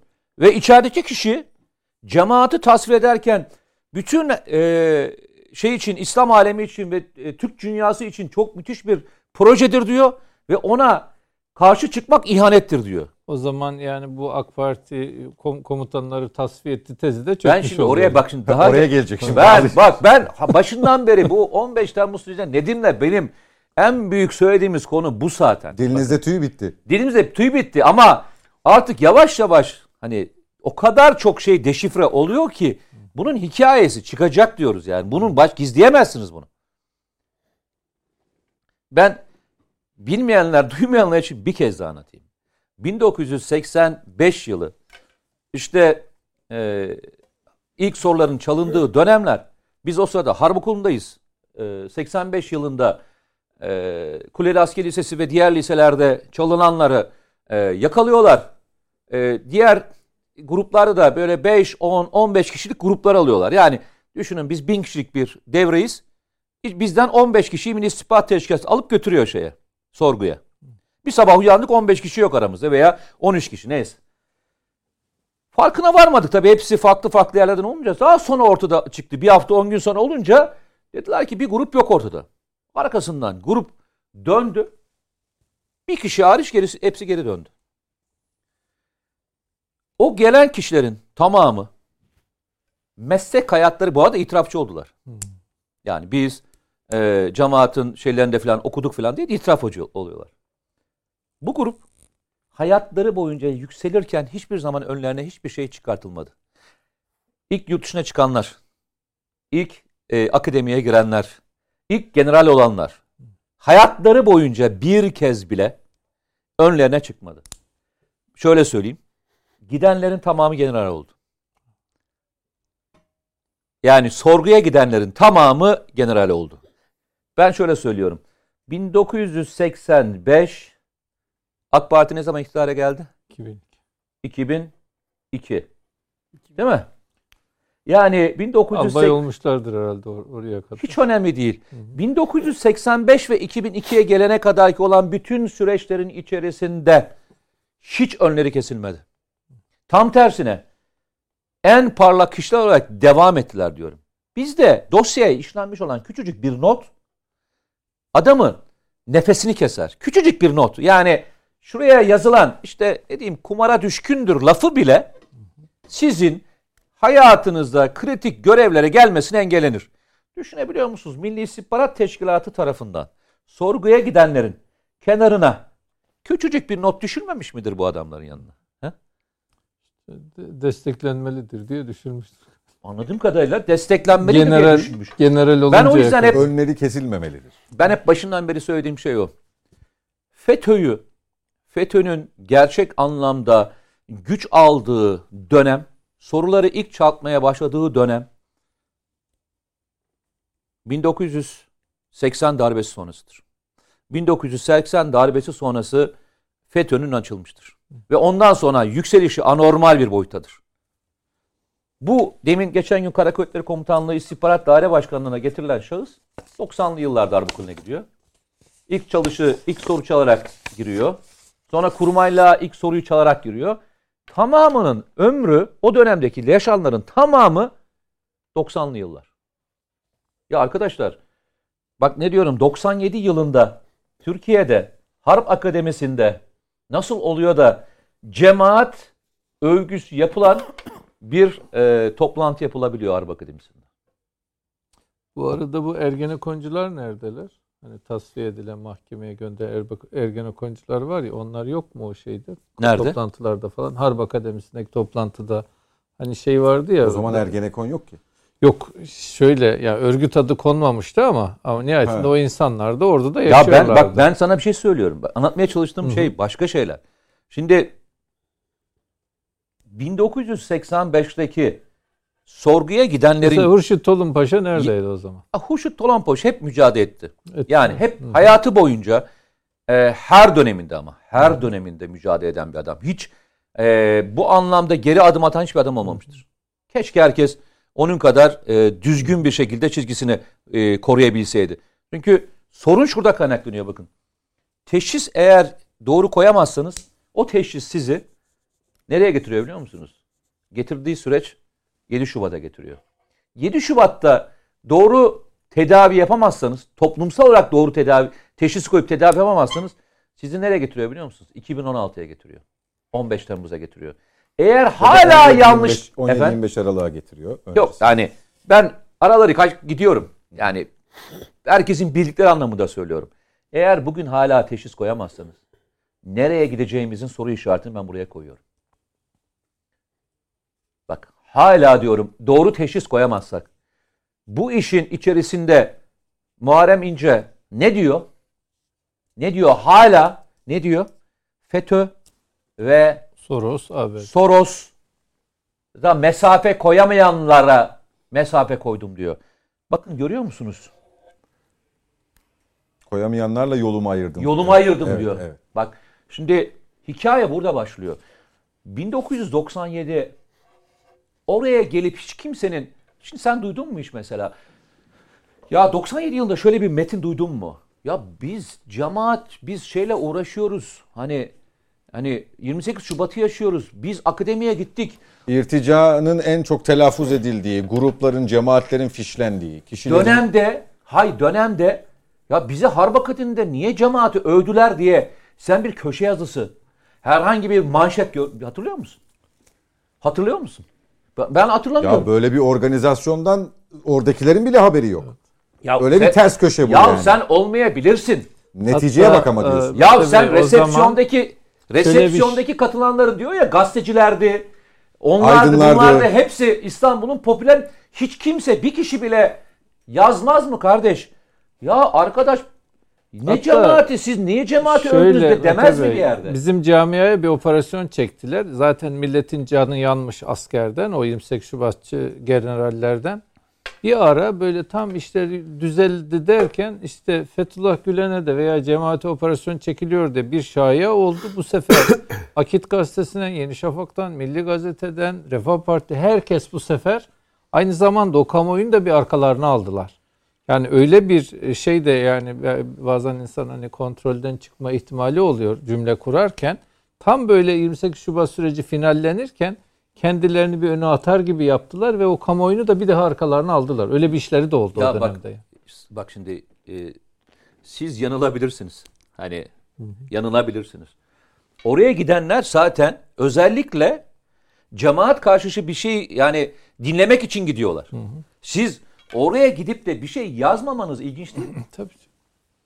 Yani önce e, şaşırmamanız, sonra yazmamanız. Ya da bunu birine anlatmamanız. Gerçekten ben hani bazen böyle döküldükçe ondan sonra devam edeyim. Bak. Şey e, iktidara geldiğinde e, AK Parti iktidara geldiğinde 2002 diyelim. 2002'de Yüksek Askeri Şura'nın e, yapısı tamamen askerlerden oluşan değil miydi? Askerden oluşmuyor muydu? Askerlerden oluşuyor. Peki. E, Cumhurbaşkanı e, Ahmet Necdet Sezer değil miydi? Değil mi? E, Yüksek Askeri Şura'nın fahri yani başı kim? Şeyi en başı. Cumhurbaşkanı. Cumhurbaşkanı. Cumhurbaşkanı. Yani Ahmet Necdet Sezer'in başkanlık yaptığı, Başbakanın, Milli Savunma Bakanı'nın ve e, o dönemin 2002'deki e, komuta kademesi bir önceki komuta kademesinin devamı. Yani siz şöyle bir şey yapma şansınız yok ki. Tayyip Erdoğan iktidara geldi. O günkü bütün komutanlar istifa etti. Bütün komuta kademesini şey mi getirdi? Tayyip Erdoğan mı getirdi? Yok. Değil mi? Bir sıralı geliyor çünkü. Sıralı gelen bir sistem var. Malzeme bu diyor yani. Yok yok hayır onu demek istemiyorum.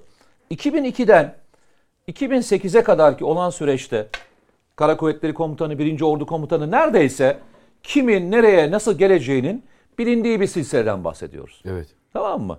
Arkadaşlar Bu şeye kadar değil mi? Yani Işık Koşener'in istifası sürecine kadar falan galiba. Bahsettik. Işık Koşan'ın istifa istifa süreci de O Yüksek Askeri Şura sonrası çünkü.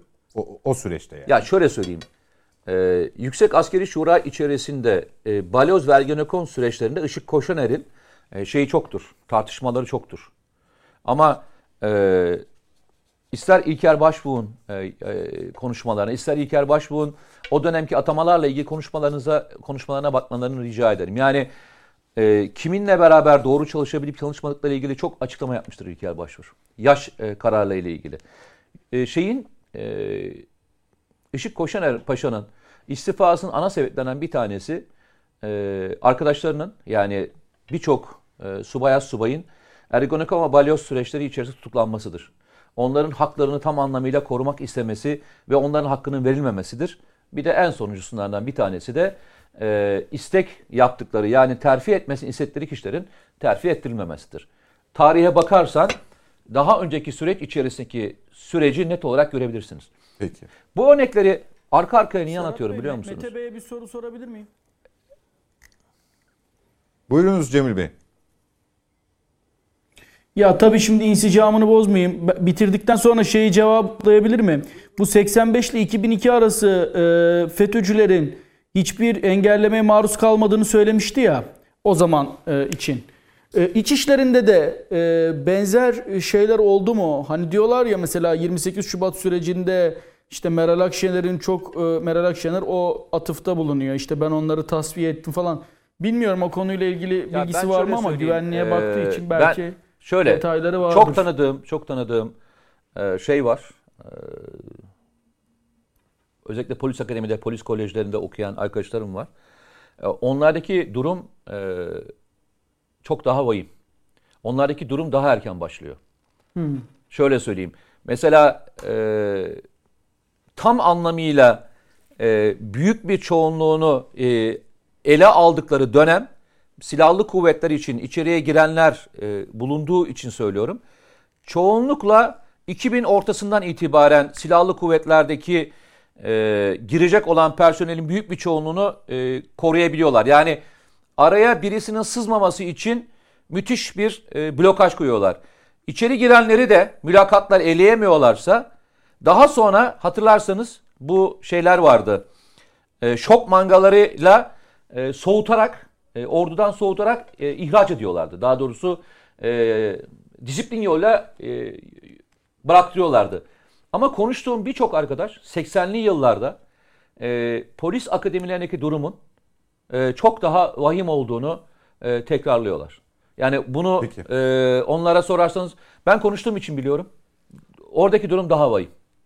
Yani lütfen rica ediyorum 7 Şubat'ı konuşuyoruz ama gerçek anlamda şu FETÖ'nün Türkiye'de nasıl yapılandığının fotoğrafını çekin. Bu şu değil.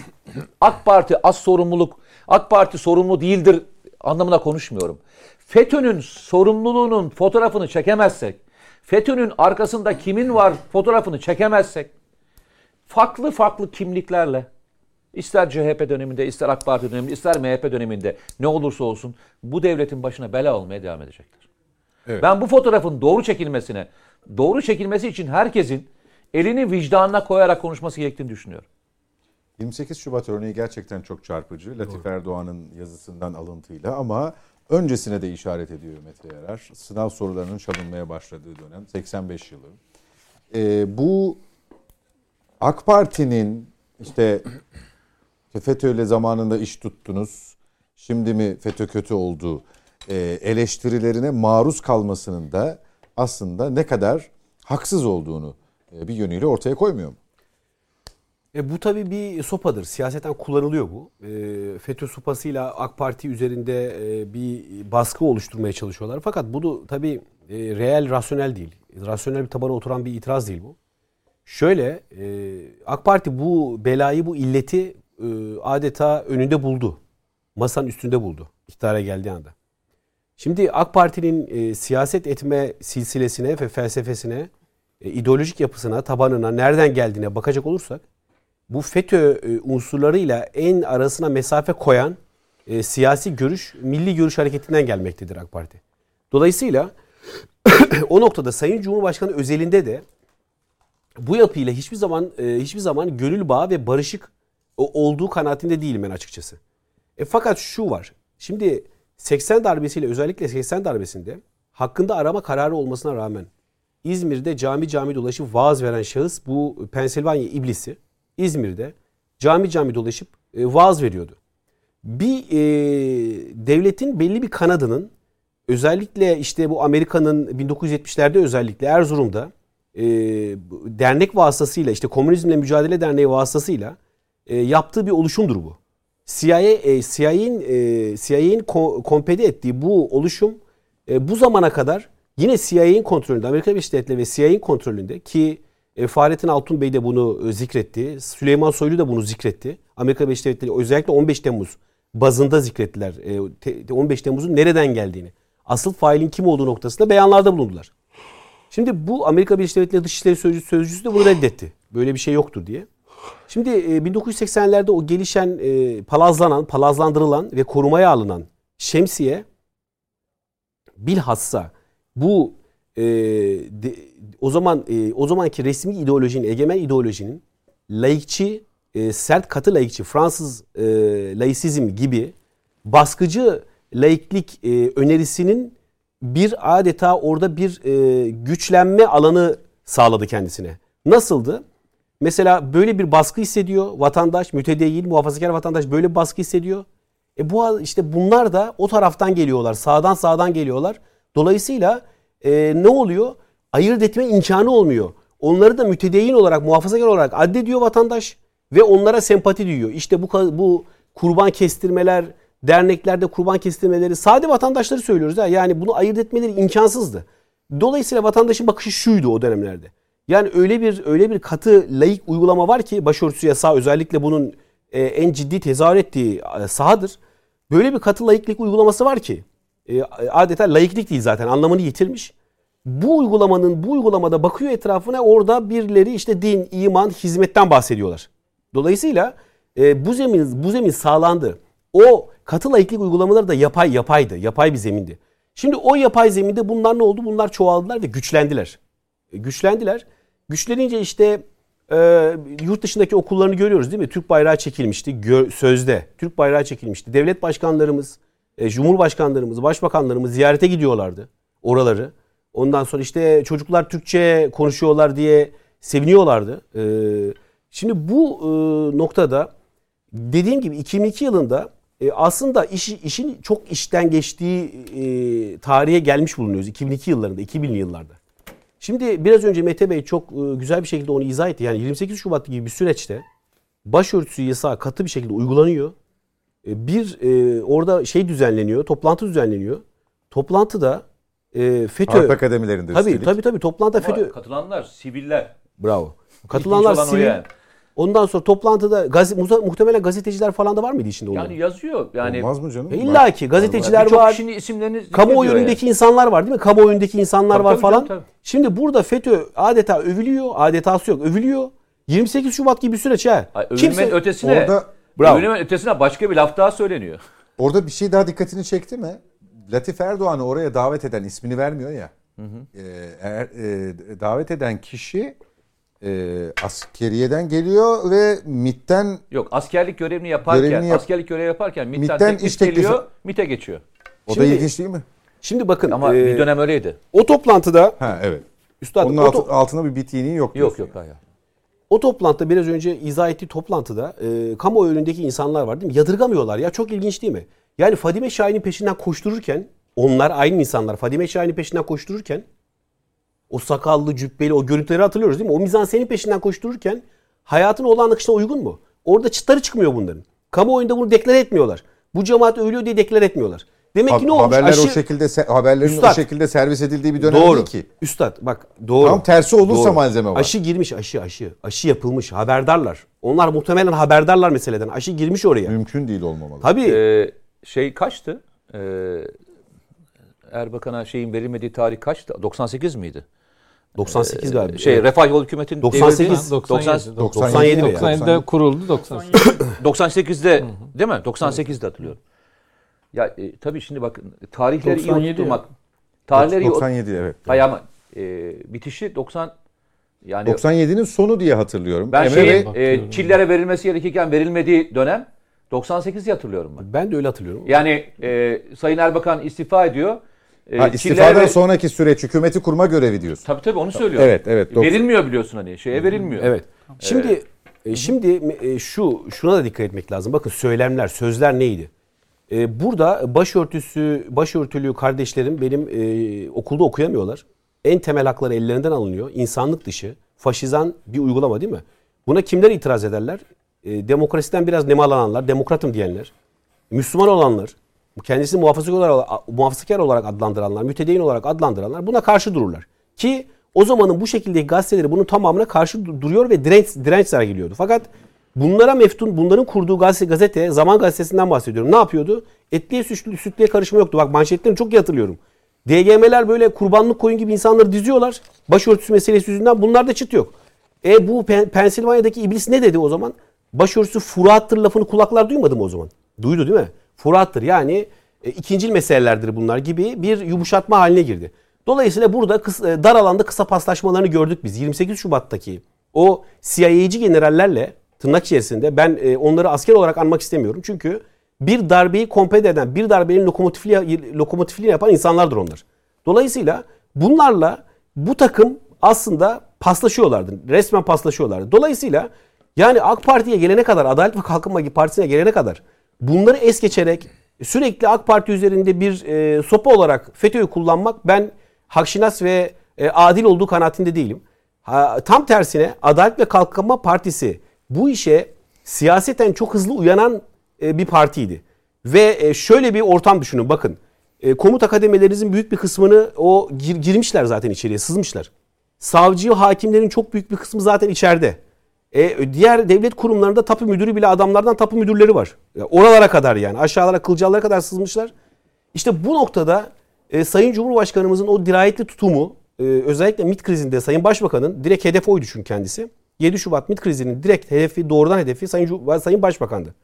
Sayın Başbakan'ın oradaki dirayetli tutumu işte Mete Bey gibi kamuoyunu aydınlatan kişilerin oradaki beyanları ki o zaman da bakın o beyanlarda bulunmak e, cesaret ister ha. Bak tarihler bunu e, gençlerimiz bunu şey anlasınlar gençler seyrediyorlar. Sahi bak, nasıl bulundun ya? Mete Yarın Mete Bey nasıl bulundun? MİT, tur, MİT turu durdurulduğunda e, MİT turunu durdurursunuz ama arayamazsınız kardeşim dediğimizi de söyledik yani. Evet evet bravo. Yapacak bir Nasıl şey yok. dediysem o zaman o zaman da öyle O zaman da öyle dedim diyor. O zaman da öyle söyledim. Yani Şimdi bu duruşlar kıymetli şey duruşlardır. Yani. Kamuoyundaki kamuoyu önündeki insanların bu tarz duruşları, kamuoyu aydınlatma yönelik cesur duruşları gereklidir. Ee, kamuoyunun da fakat bu tip insanlara sahip çıkması gerekir. Bu kritik zamanlarda bu tip insanlar konuşmalıdırlar. Konuşurlar. Dolayısıyla işte 7, 7 Şubat e, bu tarz FETÖ yapılanmasının devlete çok ciddi, görünen, görünmeyen bir sürü operasyonu illaki vardır da Mete Bey o derinlikleri bilirler ama görünen görünen, ve ilk. görünen ilk operasyonu 7 Şubat MİT krizidir.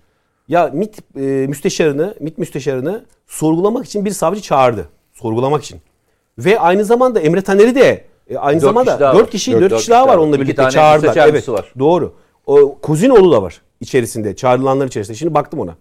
Şimdi bu bunları çağırarak ne yapıyordu? Ee, savcılık hani burada hukuka uygun bir e, soruşturma mı yürütmeye çabalıyordu? Hayır. Operasyonun tamamı Sayın Başbakan'a yönelik bir operasyondu.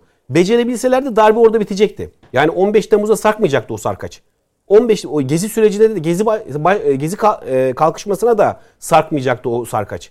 Daha sonra işte o oradaki beceriksizlikleri veya devletin belli kademelerinin e, erken uyanması, Mete Bey gibi insanların alarm alarm zili vermesi, alarm çalması bu e, topyekün bir mücadeleye vesile oldu. Dolayısıyla o süreçten sonra Gezi e, Gezi'deki işte o ilk e, polis müdahalesini hatırlıyorsunuz değil mi? Biliyoruz ilk polis müdahalesi. Yani hakikaten çadır kurmuş birkaç insan vardı orada. Polisin inanılmaz şiddetli bir e, müdahalesi oldu oraya. Tabii e, bu Gezi'deki kalkışmayı kışkırtma noktasında da çok ciddi e, faaliyeti oldu FETÖ'nün. Özellikle e, emniyetin içindeki tabii canım ya emniyetin içindeki FETÖ'nün bizzat çok e, net bir e, provokasyon oldu, müdahalesi oldu. E ondan sonra da ondan sonra da bu e, geziyle de bu iş hallolmayınca ne oldu? E 15 Temmuz'a kadar gelen süreçte 15 Temmuz'u yaptılar. Orada da avuçlarını yaladılar. Bakın e, tekrar yaparlarsa bu millet iki avucunu birden yalatır onlara. O net bir şekilde onu ifade etmek lazım. Dene, de, deniyorlar tekrar. Ee, ee, evet. Son etapta konuşacağız. Konuşalım. Boğaz içini. Bu Kara Kuvvetleri İstihbarat Daire Başkanı'na gelen adamın e, pozisyonu aslında ne kadar e, süreçleri doğru sorgulamamız gerektiğini bir kez daha bize her defasında gösteriyor. En ufak delikten içeri sızıyorlar. En ufak buldukları delikten içeri giriyorlar kardeşim. Hani öyle bir laf vardı değil mi? Fare yani düşün, fare şeyinin geçtiği işte. yerden geçermiş değil mi? Kuyruğunun geçtiği yerden kemiksiz on kemiksiz. binlerce arkadaş hapis yatarken o yine cesarette zirveye kadar tırmanabiliyor. Serhat Çok Bey, enteresan bir şey. Kemik yok, kemik geçerler o delikten. Peki. Kemiksizler. Emre Cemil Bey 7 Şubat MIT kumpası Evet. Şimdi tabii e, ben burada işin biraz e, arşiv bölümüne de e, gitmek istiyorum. Sonuçta Mete Bey zaten işin bürokratik boyutunu çok güzel anlattı. Mücahit Bey yine zaten işin tarihsel ve siyasi boyutunu anlattı. Şimdi şöyle bir durum var. Gerçekten siyasette önceliğiniz neyse siz aşağı yukarı veya demokratik olarak bir yayın organı olarak duruşunuz aşağı yukarı neye gerektiriyorsa onu da ekrana yansıtırsınız. Siyasiler de söylemle bunu e, gündeme getirir. Bakın 7 Şubat'ın işte Kumpas'ın 9. yılı diyoruz. Ve Adalet ve Kalkınma Partisi'nden bu 9. E, yıla ilişkin çok ciddi vurgular geldi. Ve 7 Şubat'ta yaşadığımız demokrasimize yapılan e, bir müdahale biçiminin ne kadar Türkiye'ye tehlike getirdiğine ilişkin vurgular öne çıktı. Ya bu bir nevi bu bir nevi nedir? İşte demokrasimizi korumak istiyorsak bu günleri, bu tarz sembol günleri ve verdiğimiz mücadeleyi unutmamamız demektir.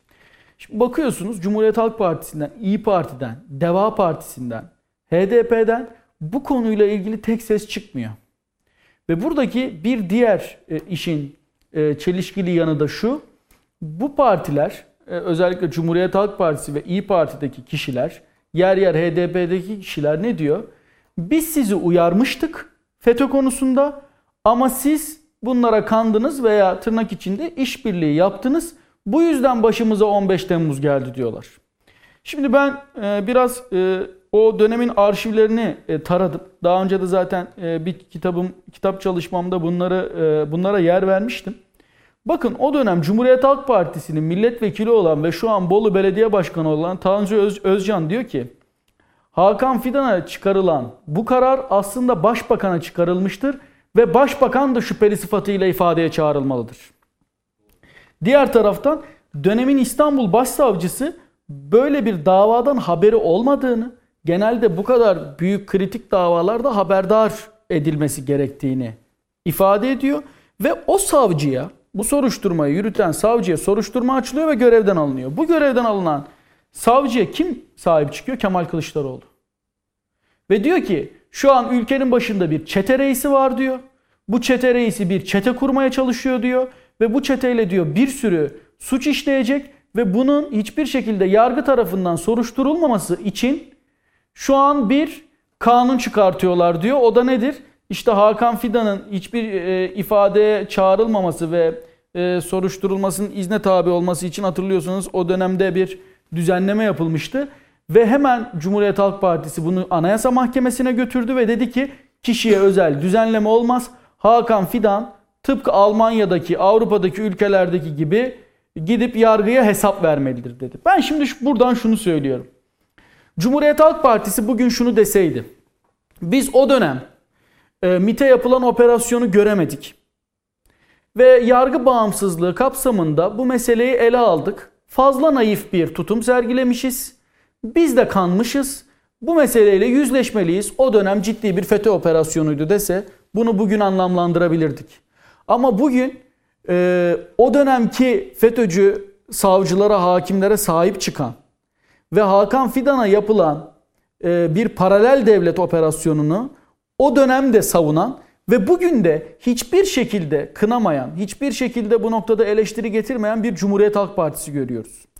Şimdi bu özellikle Türkiye'nin bu son 20 yılda yaşadığı siyasi kırılmalara bakalım. İşte bunu 17-25 e, MIT e, tırlarının durdurulması, 7 Şubat MIT krizi, 15 Temmuz.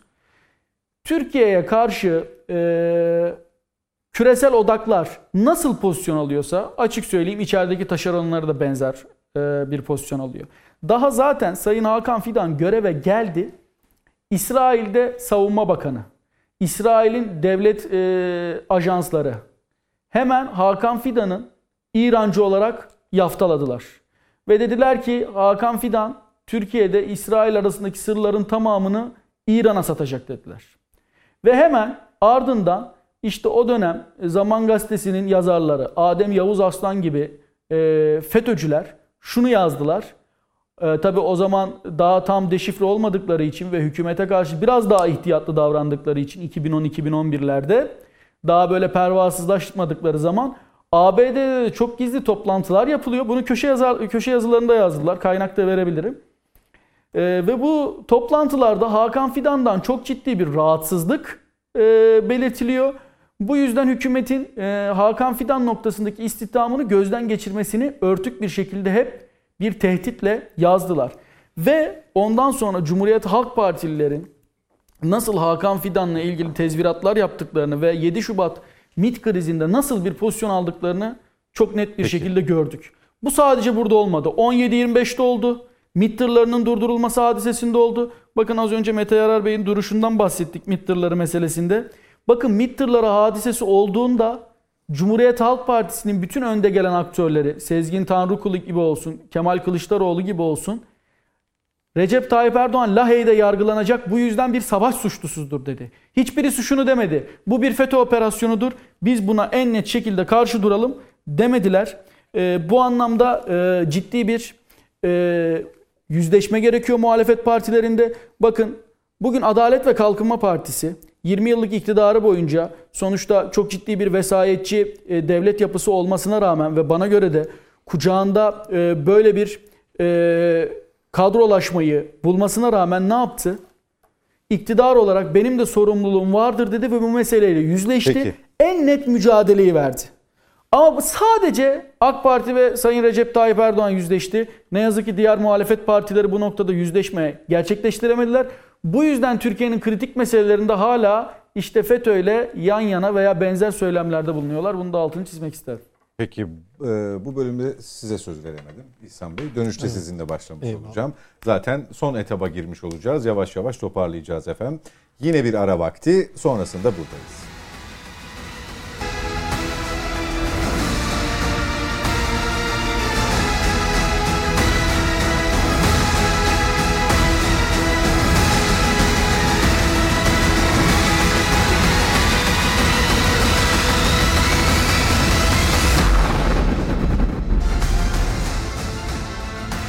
Yeniden birlikteyiz efendim. Net bakışta son etaba girdik. Toparlayacağız yavaş yavaş. İhanetin 9. yılında MIT kumpasını konuşuyoruz.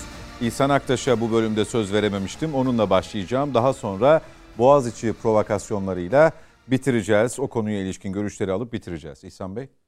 Şimdi 7 Şubat konusu aslında doğrudan bu örgütle alakalı bir mesele. Biz aslında 12 Eylül sonrası üniversite okuyan insanlar bunların da tam öyle palazlanma döneminde ya Erbakan Hoca'nın bu millete hizmeti büyüktür. Yani aslında baktığınız zaman Refah Partisi bir parti olmakla beraber aynı zamanda o 200 yıllık İslamcılığın ve milliyetçiliğin aynı zamanda e, Osmanlı'nın İttihat-ı İslam'dan bugüne kadar sürecin anahtar ismiydi. Ve dünya meselelerini bize çok yerli yerinde tarif etmişti. Biz öğrenciliğimizde FETÖ'cüleri şöyle bilirdik. Yani bu adamların okullarına çocuklarınızı gönderirseniz İsrail'e Siyonizm asker yetiştirirsiniz. Aslında bu kod bizim kafamızda vardı fakat yaşadığımız hikayeler de vardı. Bir defa öğrencilik hayatlarında böyle renksiz, korkak, ödlek, hiçbir meselede iddia etmeyen silik insanlardı. Şimdi bu bir resim. E, fakat bir gün öyle bir hale geldiler ki o dünyanın en silik, en karaktersiz, en korkak adamları bir anda feriştah gibi böyle her şeye te- tehdit eden o devlet gücünü elinden geçirdikten sonra bir defa bu korkak, ödlek, silik yapıdan bir canavara dönüştüler. Yani onu bu 20 yıllık süreçte oldu. Birkaç böyle kritik anekdot aktarmak istiyorum. Bizim bir arkadaşımız bir e, gayrimüslim e, vatandaşla bizi tanıştırmıştı. Şöyle bir serzenişte bulundu. Çok da aristokrat bir ailenin temsilcisi. Dedi ki ya bizim şeyde dedi kilisede kişilerin sayısı ölümler artıyor dedi. Ölümler arttıkça da kişilerin sayısı azalıyor. Eğer belli bir sayının altına düşersek Lozan'daki anlaşma gereği biz vatandaş olacağız. Yani azınlık hüviyetimizi kaybedeceğiz. Fakat bu FETÖ işte o zaman işte adı Fethullah e, getirip Yıl işte kaç? e, 87. Tam da canımız yanıyor o şeyde 28 Şubat sürecinde. Ben de ya 97. bu e, pardon 97. Ben dedim ki ya biz bu o, hain adamı çok da sevmeyiz. Barışık değiliz ama bu kadar da Hristiyanlarla Hristiyanlarla ne iş tutacak diye bir söylem. Ben o gün işte kafamda bir soru işareti vardı ve sevmedik yani. 28 Şubat sürecinde de sevmedik yani. O zaman Erbakan Hoca ile ruhların uyuşmadığını söyledi. O Erbakan Hoca'nın can hıraş mücadele ver- verdiği zaman. Sonra da sevmedik, önce de sevmedik. Hatta açıkça şunu söyleyelim. Bence burada Recep Tayyip Erdoğan yücelten şey kendi durumuyla yüzleşmesidir yani FETÖ ile ilişki açısından.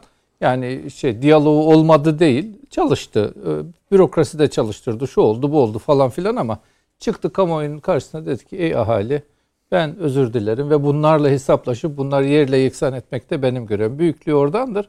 Biz aslında o bürokrasideki varlıklarından da rahatsızdık ve içten içe bunun muhasebesini yapardık. Şimdi bu 25 yıl önce bu adam hani ben içimde bir soru vardı. Ben aradım şeyi buldum o gayrimüslim vatandaşı buldum. Dedim ya sen bana ta 97 yılında böyle bir şey söylemiştin.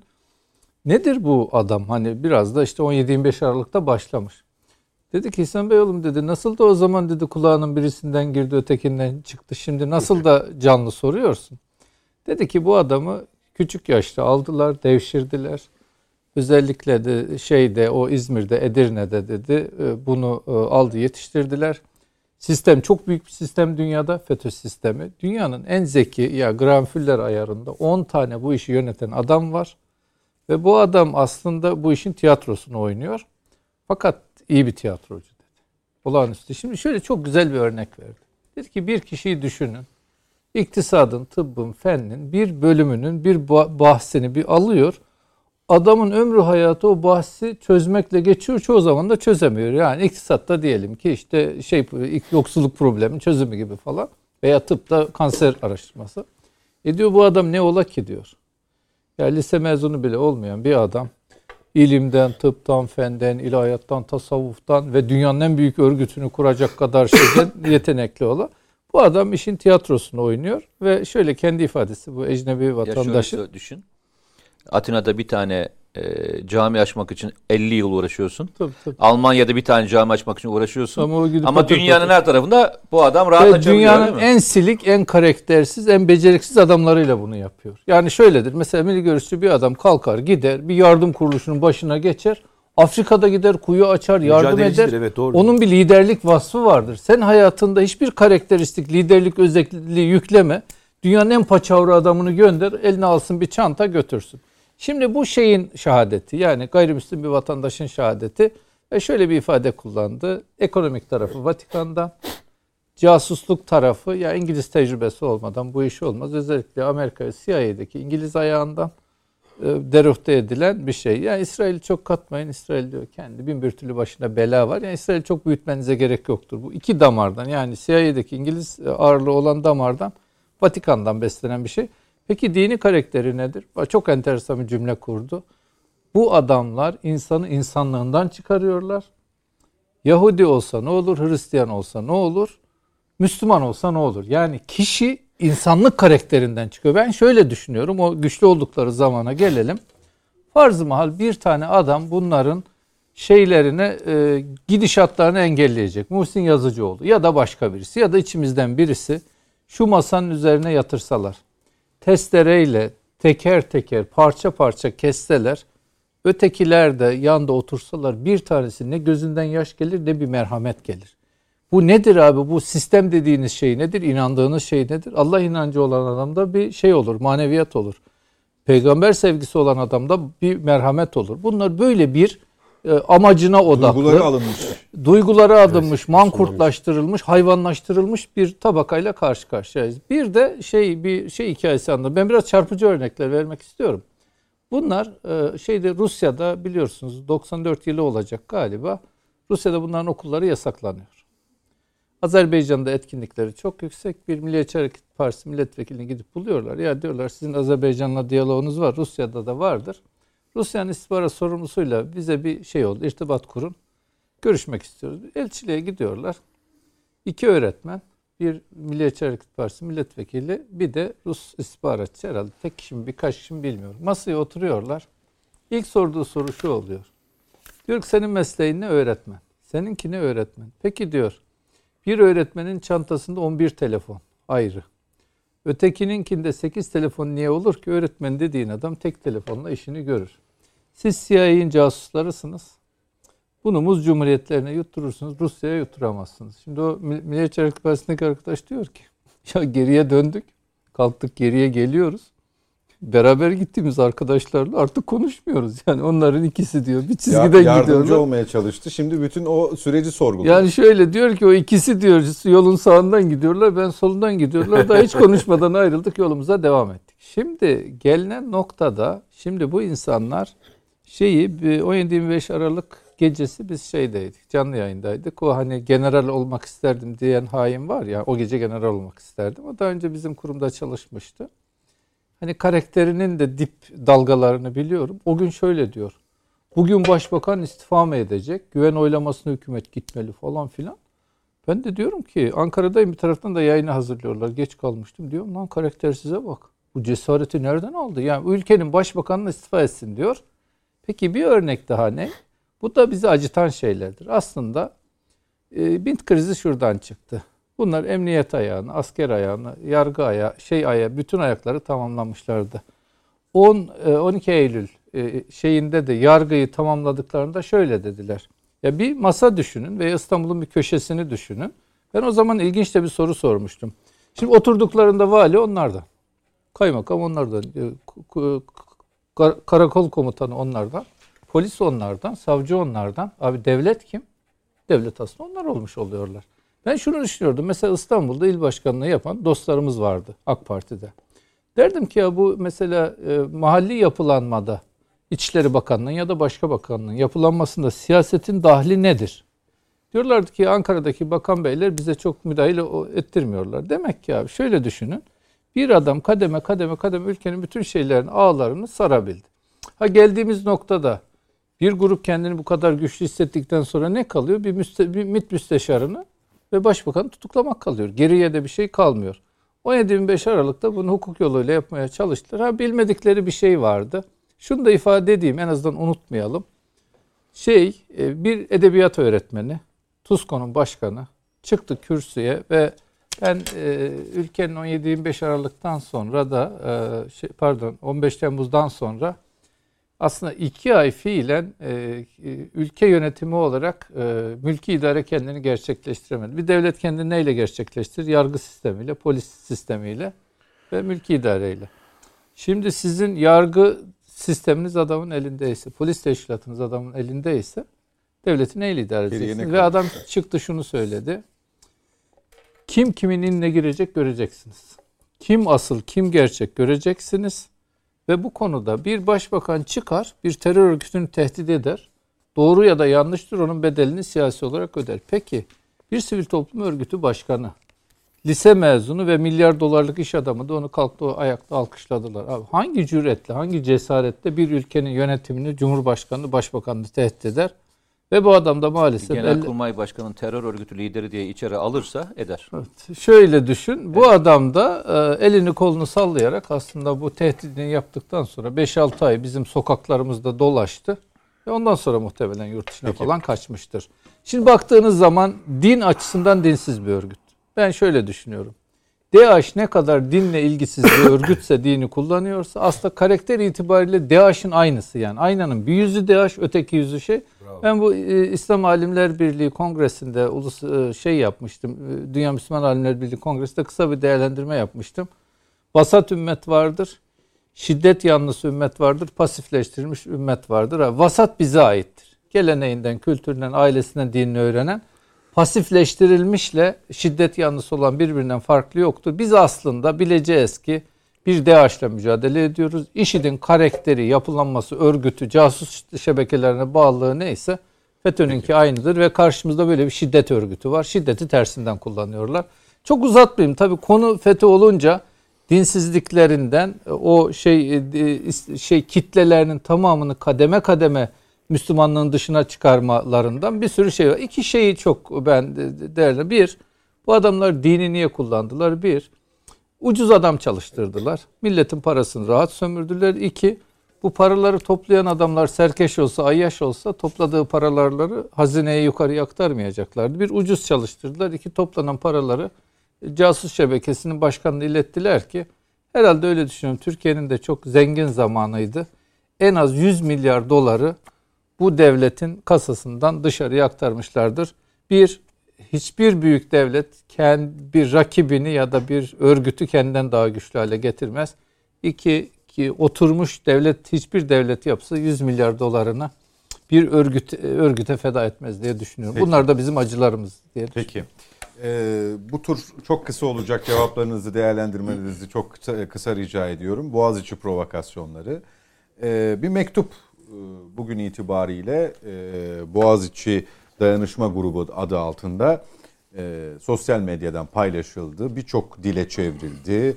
Fransa başta olmak üzere Yunanistan'ın da içinde bulunduğu birçok o, o ülkelerin önde gelen medya gruplarıyla, gazeteleriyle paylaşıldığı bunların arasında Le Soir, Le Monde gibi e, gazetelerde var. E, Mücahit Birinci e, mektubu okudun. E, zaten kamuoyuna da açık Twitter'da da sabitlenmiş şekilde duruyor. O dayanışma grubunun sitesinde, e, tweetinde. 12. Cumhurbaşkanı'na açık mektup diye başlıyor. Ben mesela bu 12. Cumhurbaşkanı kısmına takıldım. Siz de takıldınız mı? Evet yani garip bir ifade. Yani hali hazırda görevde olan birine derece 12. küstah Cumhur... zaten başlığı gibi. Nasıl Cemil Bey? Ee, mektubun başlığı gibi içeriği de zaten son derece küstah yani. Cumhurbaşkanını pek tanımayan bir e, Evet evet yani yazılmış. bunu da e, hasreten kullanmışlar bu ifadeyi e, gibi gözüküyor Doğru. Mücahit Bey. Aynen öyle. Şimdi 12 Cumhurbaşkanı'na açık mektup diye bir e, içi içerisinde hakikaten kepaze, kabul edilemez ifadelerin bulunduğu, bazı duruşlar çok e, son derece e, küçük düşünceli insanların e, duruşu olabilecek nitelikte bir e, kaleme alınmış. Türkçesi kötü bir mektup bu. Şimdi e, burada e, netice itibariyle geliyoruz Bu geliyoruz. burada mı hazırlanmıştır? Efendim? Bu burada mı hazırlanmıştır sizce? Benim kanaatim öyle değil. Burada hazırlanmış bir mektup değildir. Bu sufle mektuptur bu. Sufle mektuptur ki birçok dile tercüme edildi. Birçok uluslararası yayın organına aynı anda servis edildi bu mektup. Şimdi bir kere Boğaziçi Rektörü Melih Bulu ile ilgili e, ifadeler hariç neredeyse birçok şey var içinde. Tabi burada mektubun geneline bakınca yani mektubu analiz etmeye değmeyen bir paçavra olarak ben niteleyeyim de e, bazı ifadeleri e, izleyicilerimizin bilmesi açısından söylüyorum. Şimdi Melih Bulu burada burada teferruat yani. Melih Bulu falan değil dert. Burada e, Boğaziçi Rektörlüğü, Mektörlüğü değil dert. Sayın Cumhurbaşkanı çok direkt hedef alan, bizim de tam olarak tarif ettiğimiz gibi gezi benzeri o bildirilere benzeyen, işte şunu yapmayın, bunu yapmayın şeklinde ultimatom veren. Bakın Te- bu tehdit var içinde. Bu demokratik bir itiraz değildir. Bu tehdittir. Ultimatomdur. Demokrasilerde yönetime ultimatom verilmez. Yönetime itiraz edilir. Yönetime eleştiri yapılır. Tamam mı? İdareye eleştiri yapılır. Fakat burada ultimatomlar. Ya geliyor geliyor nereye dayanıyor biliyor musunuz? Bakın.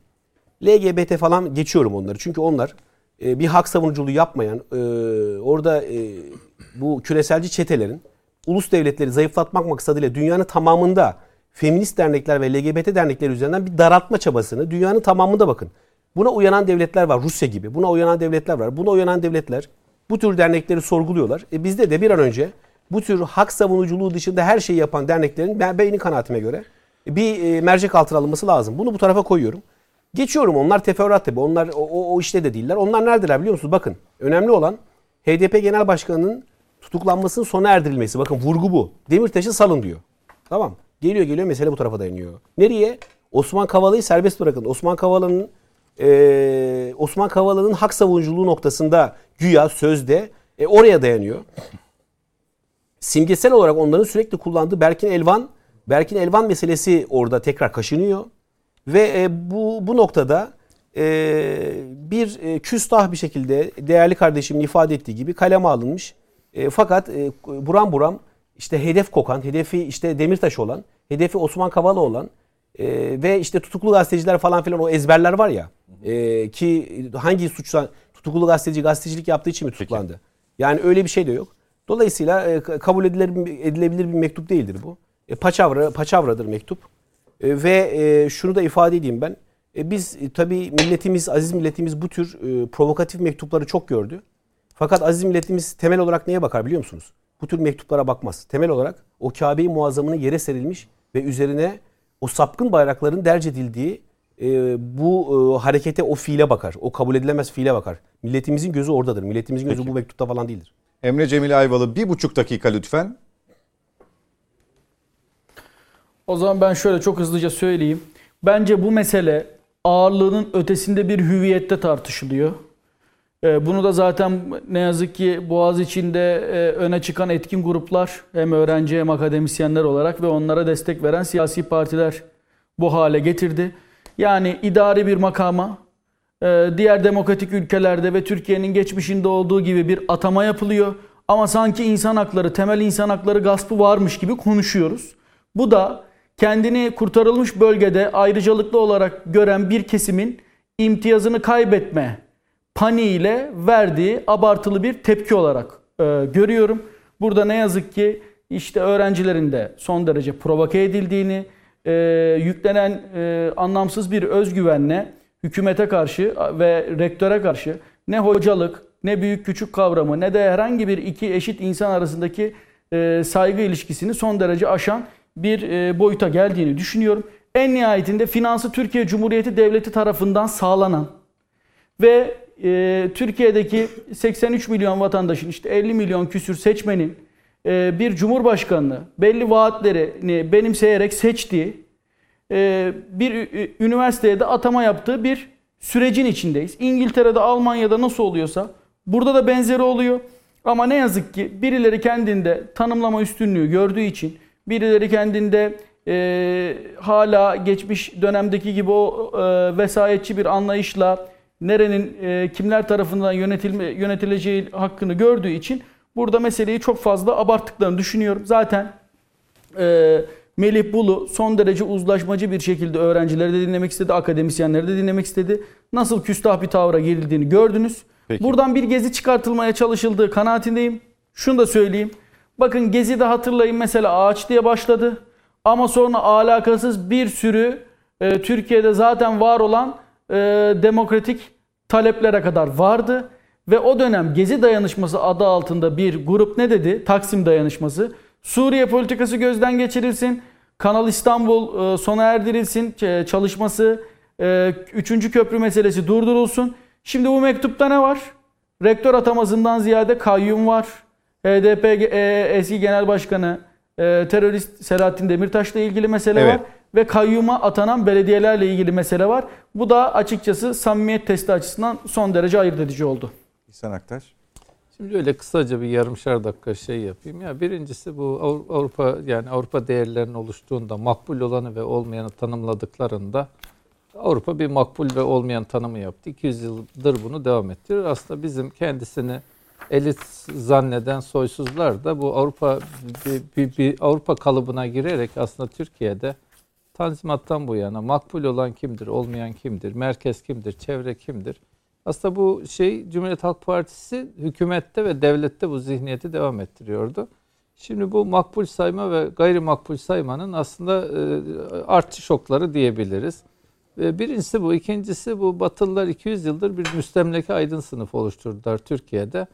Bu müstemleke sınıfın bence son direnişleri ve şeylerine de o kendilerine 200 yıldır emek veren insanlara da bedel ödüyorlar. Dikkat ederseniz metinler oralarda yayınlanıyor.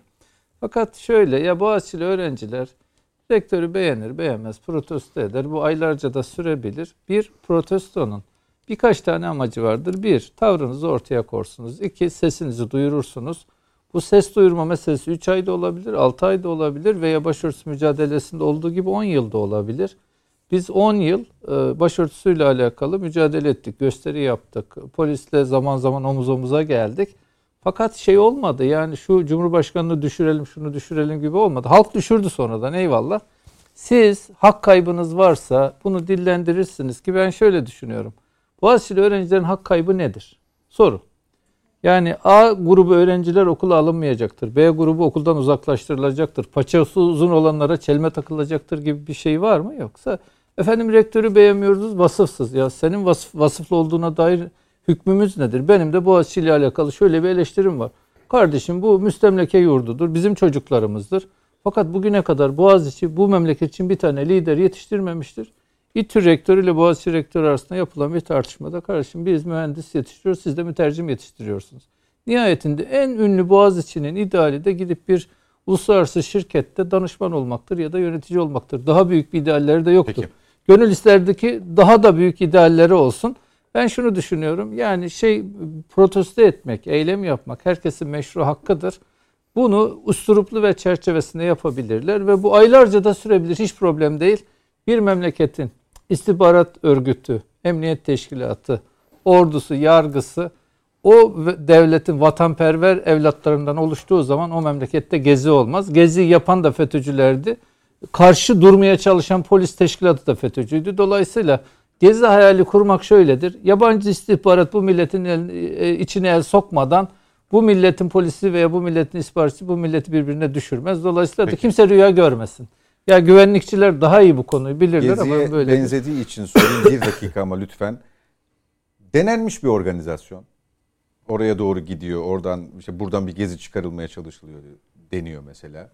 Aynısını mı düşünüyorlar? Yok, hayır. Şimdi e, Bu sefer başka diye mi düşünüyorlar? bakın bugüne kadarki bütün olaylara baktığınızda e, 2010'da sayın ben hani oradan başlayarak anlatayım daha iyi anlasın. E, 2010'da önüne liste konduğunda, o yı- listeyi yırttığında Daha sonraki dönemde 4 artı 4 artı 4 tartışmalarında. Ee, arkasından e, dershanelerin kapatılması sürecinde. Arkasından 17-25 Aralık'ta, MİT krizlerinde, e, Suriye'deki olaylarda, Uludere olayı gibi olaylarda, e, barikatlar döneminde, DAEŞ'in bombaları gibi başladığınızda bakarsanız hiçbir zaman aynı yoldan gitmediler. Hep çıtayı yukarı doğru çıkartıyorlar. Siz gezi dediğinizde yalnızca klasik anlamda şey mi zannediyorsunuz? Yani yine aynı meydanda aynı şekilde yapacaklarını falan mı zannediyorsunuz? Ben öyle öyle düşünmüyorum. Nasıl? Çok kısa lütfen. Bugüne kadar çünkü versiyonlar bir üst versiyona geçerekti. Ee, tepinecekleri konular Türkiye'de e, grupları birbirinin karşısına getirecek olan noktaya doğru götürmeye çalışıyorlar. Yani e, aydınları, e, düşünürleri, partileri yüksek dozunu yükselterek karşı karşıya getirecek olan bir gerilimle ortaya doğru e, sürüklüyorlar. Daha sonra bir gün gelir, isteseniz de istemeseniz de o selin e, kapışına sen kendinizi götürürsünüz ve kaptırı götürürsünüz. Peki. Bence oynadıkları yer Gezi'nin bir üstü. Gezi değil. Maalesef. Peki. Çok, Buradan atmıştım ya sloganlar, kullanılan argümanlar, e, hiçbir yöntemler değil. hiçbir rastlantı değil demiştim. Peki. Korkum önümüzdeki dönemde bunu tetikleyecek eylemlere yani suikastlerdi, itibarlardı, itibar suikastlarıydı, komplolardı. Bunun gibi e, maalesef oyunlara e, oyunların ortaya çıkacağıyla ilgili. Peki. En büyük Çok endişem bu teşekkürler yani. Mete Yarar, İhsan Aktaş, Mücahit Birinci ve Sayın Emre Cemil Ayvalı katıldığınız için Net Bakış'a bu hafta bizi yalnız bırakmadığınız için efendim. Önümüzdeki hafta saatler 21'i gösterdiğinde yeniden birlikte olmak dileğiyle. Hoşçakalın.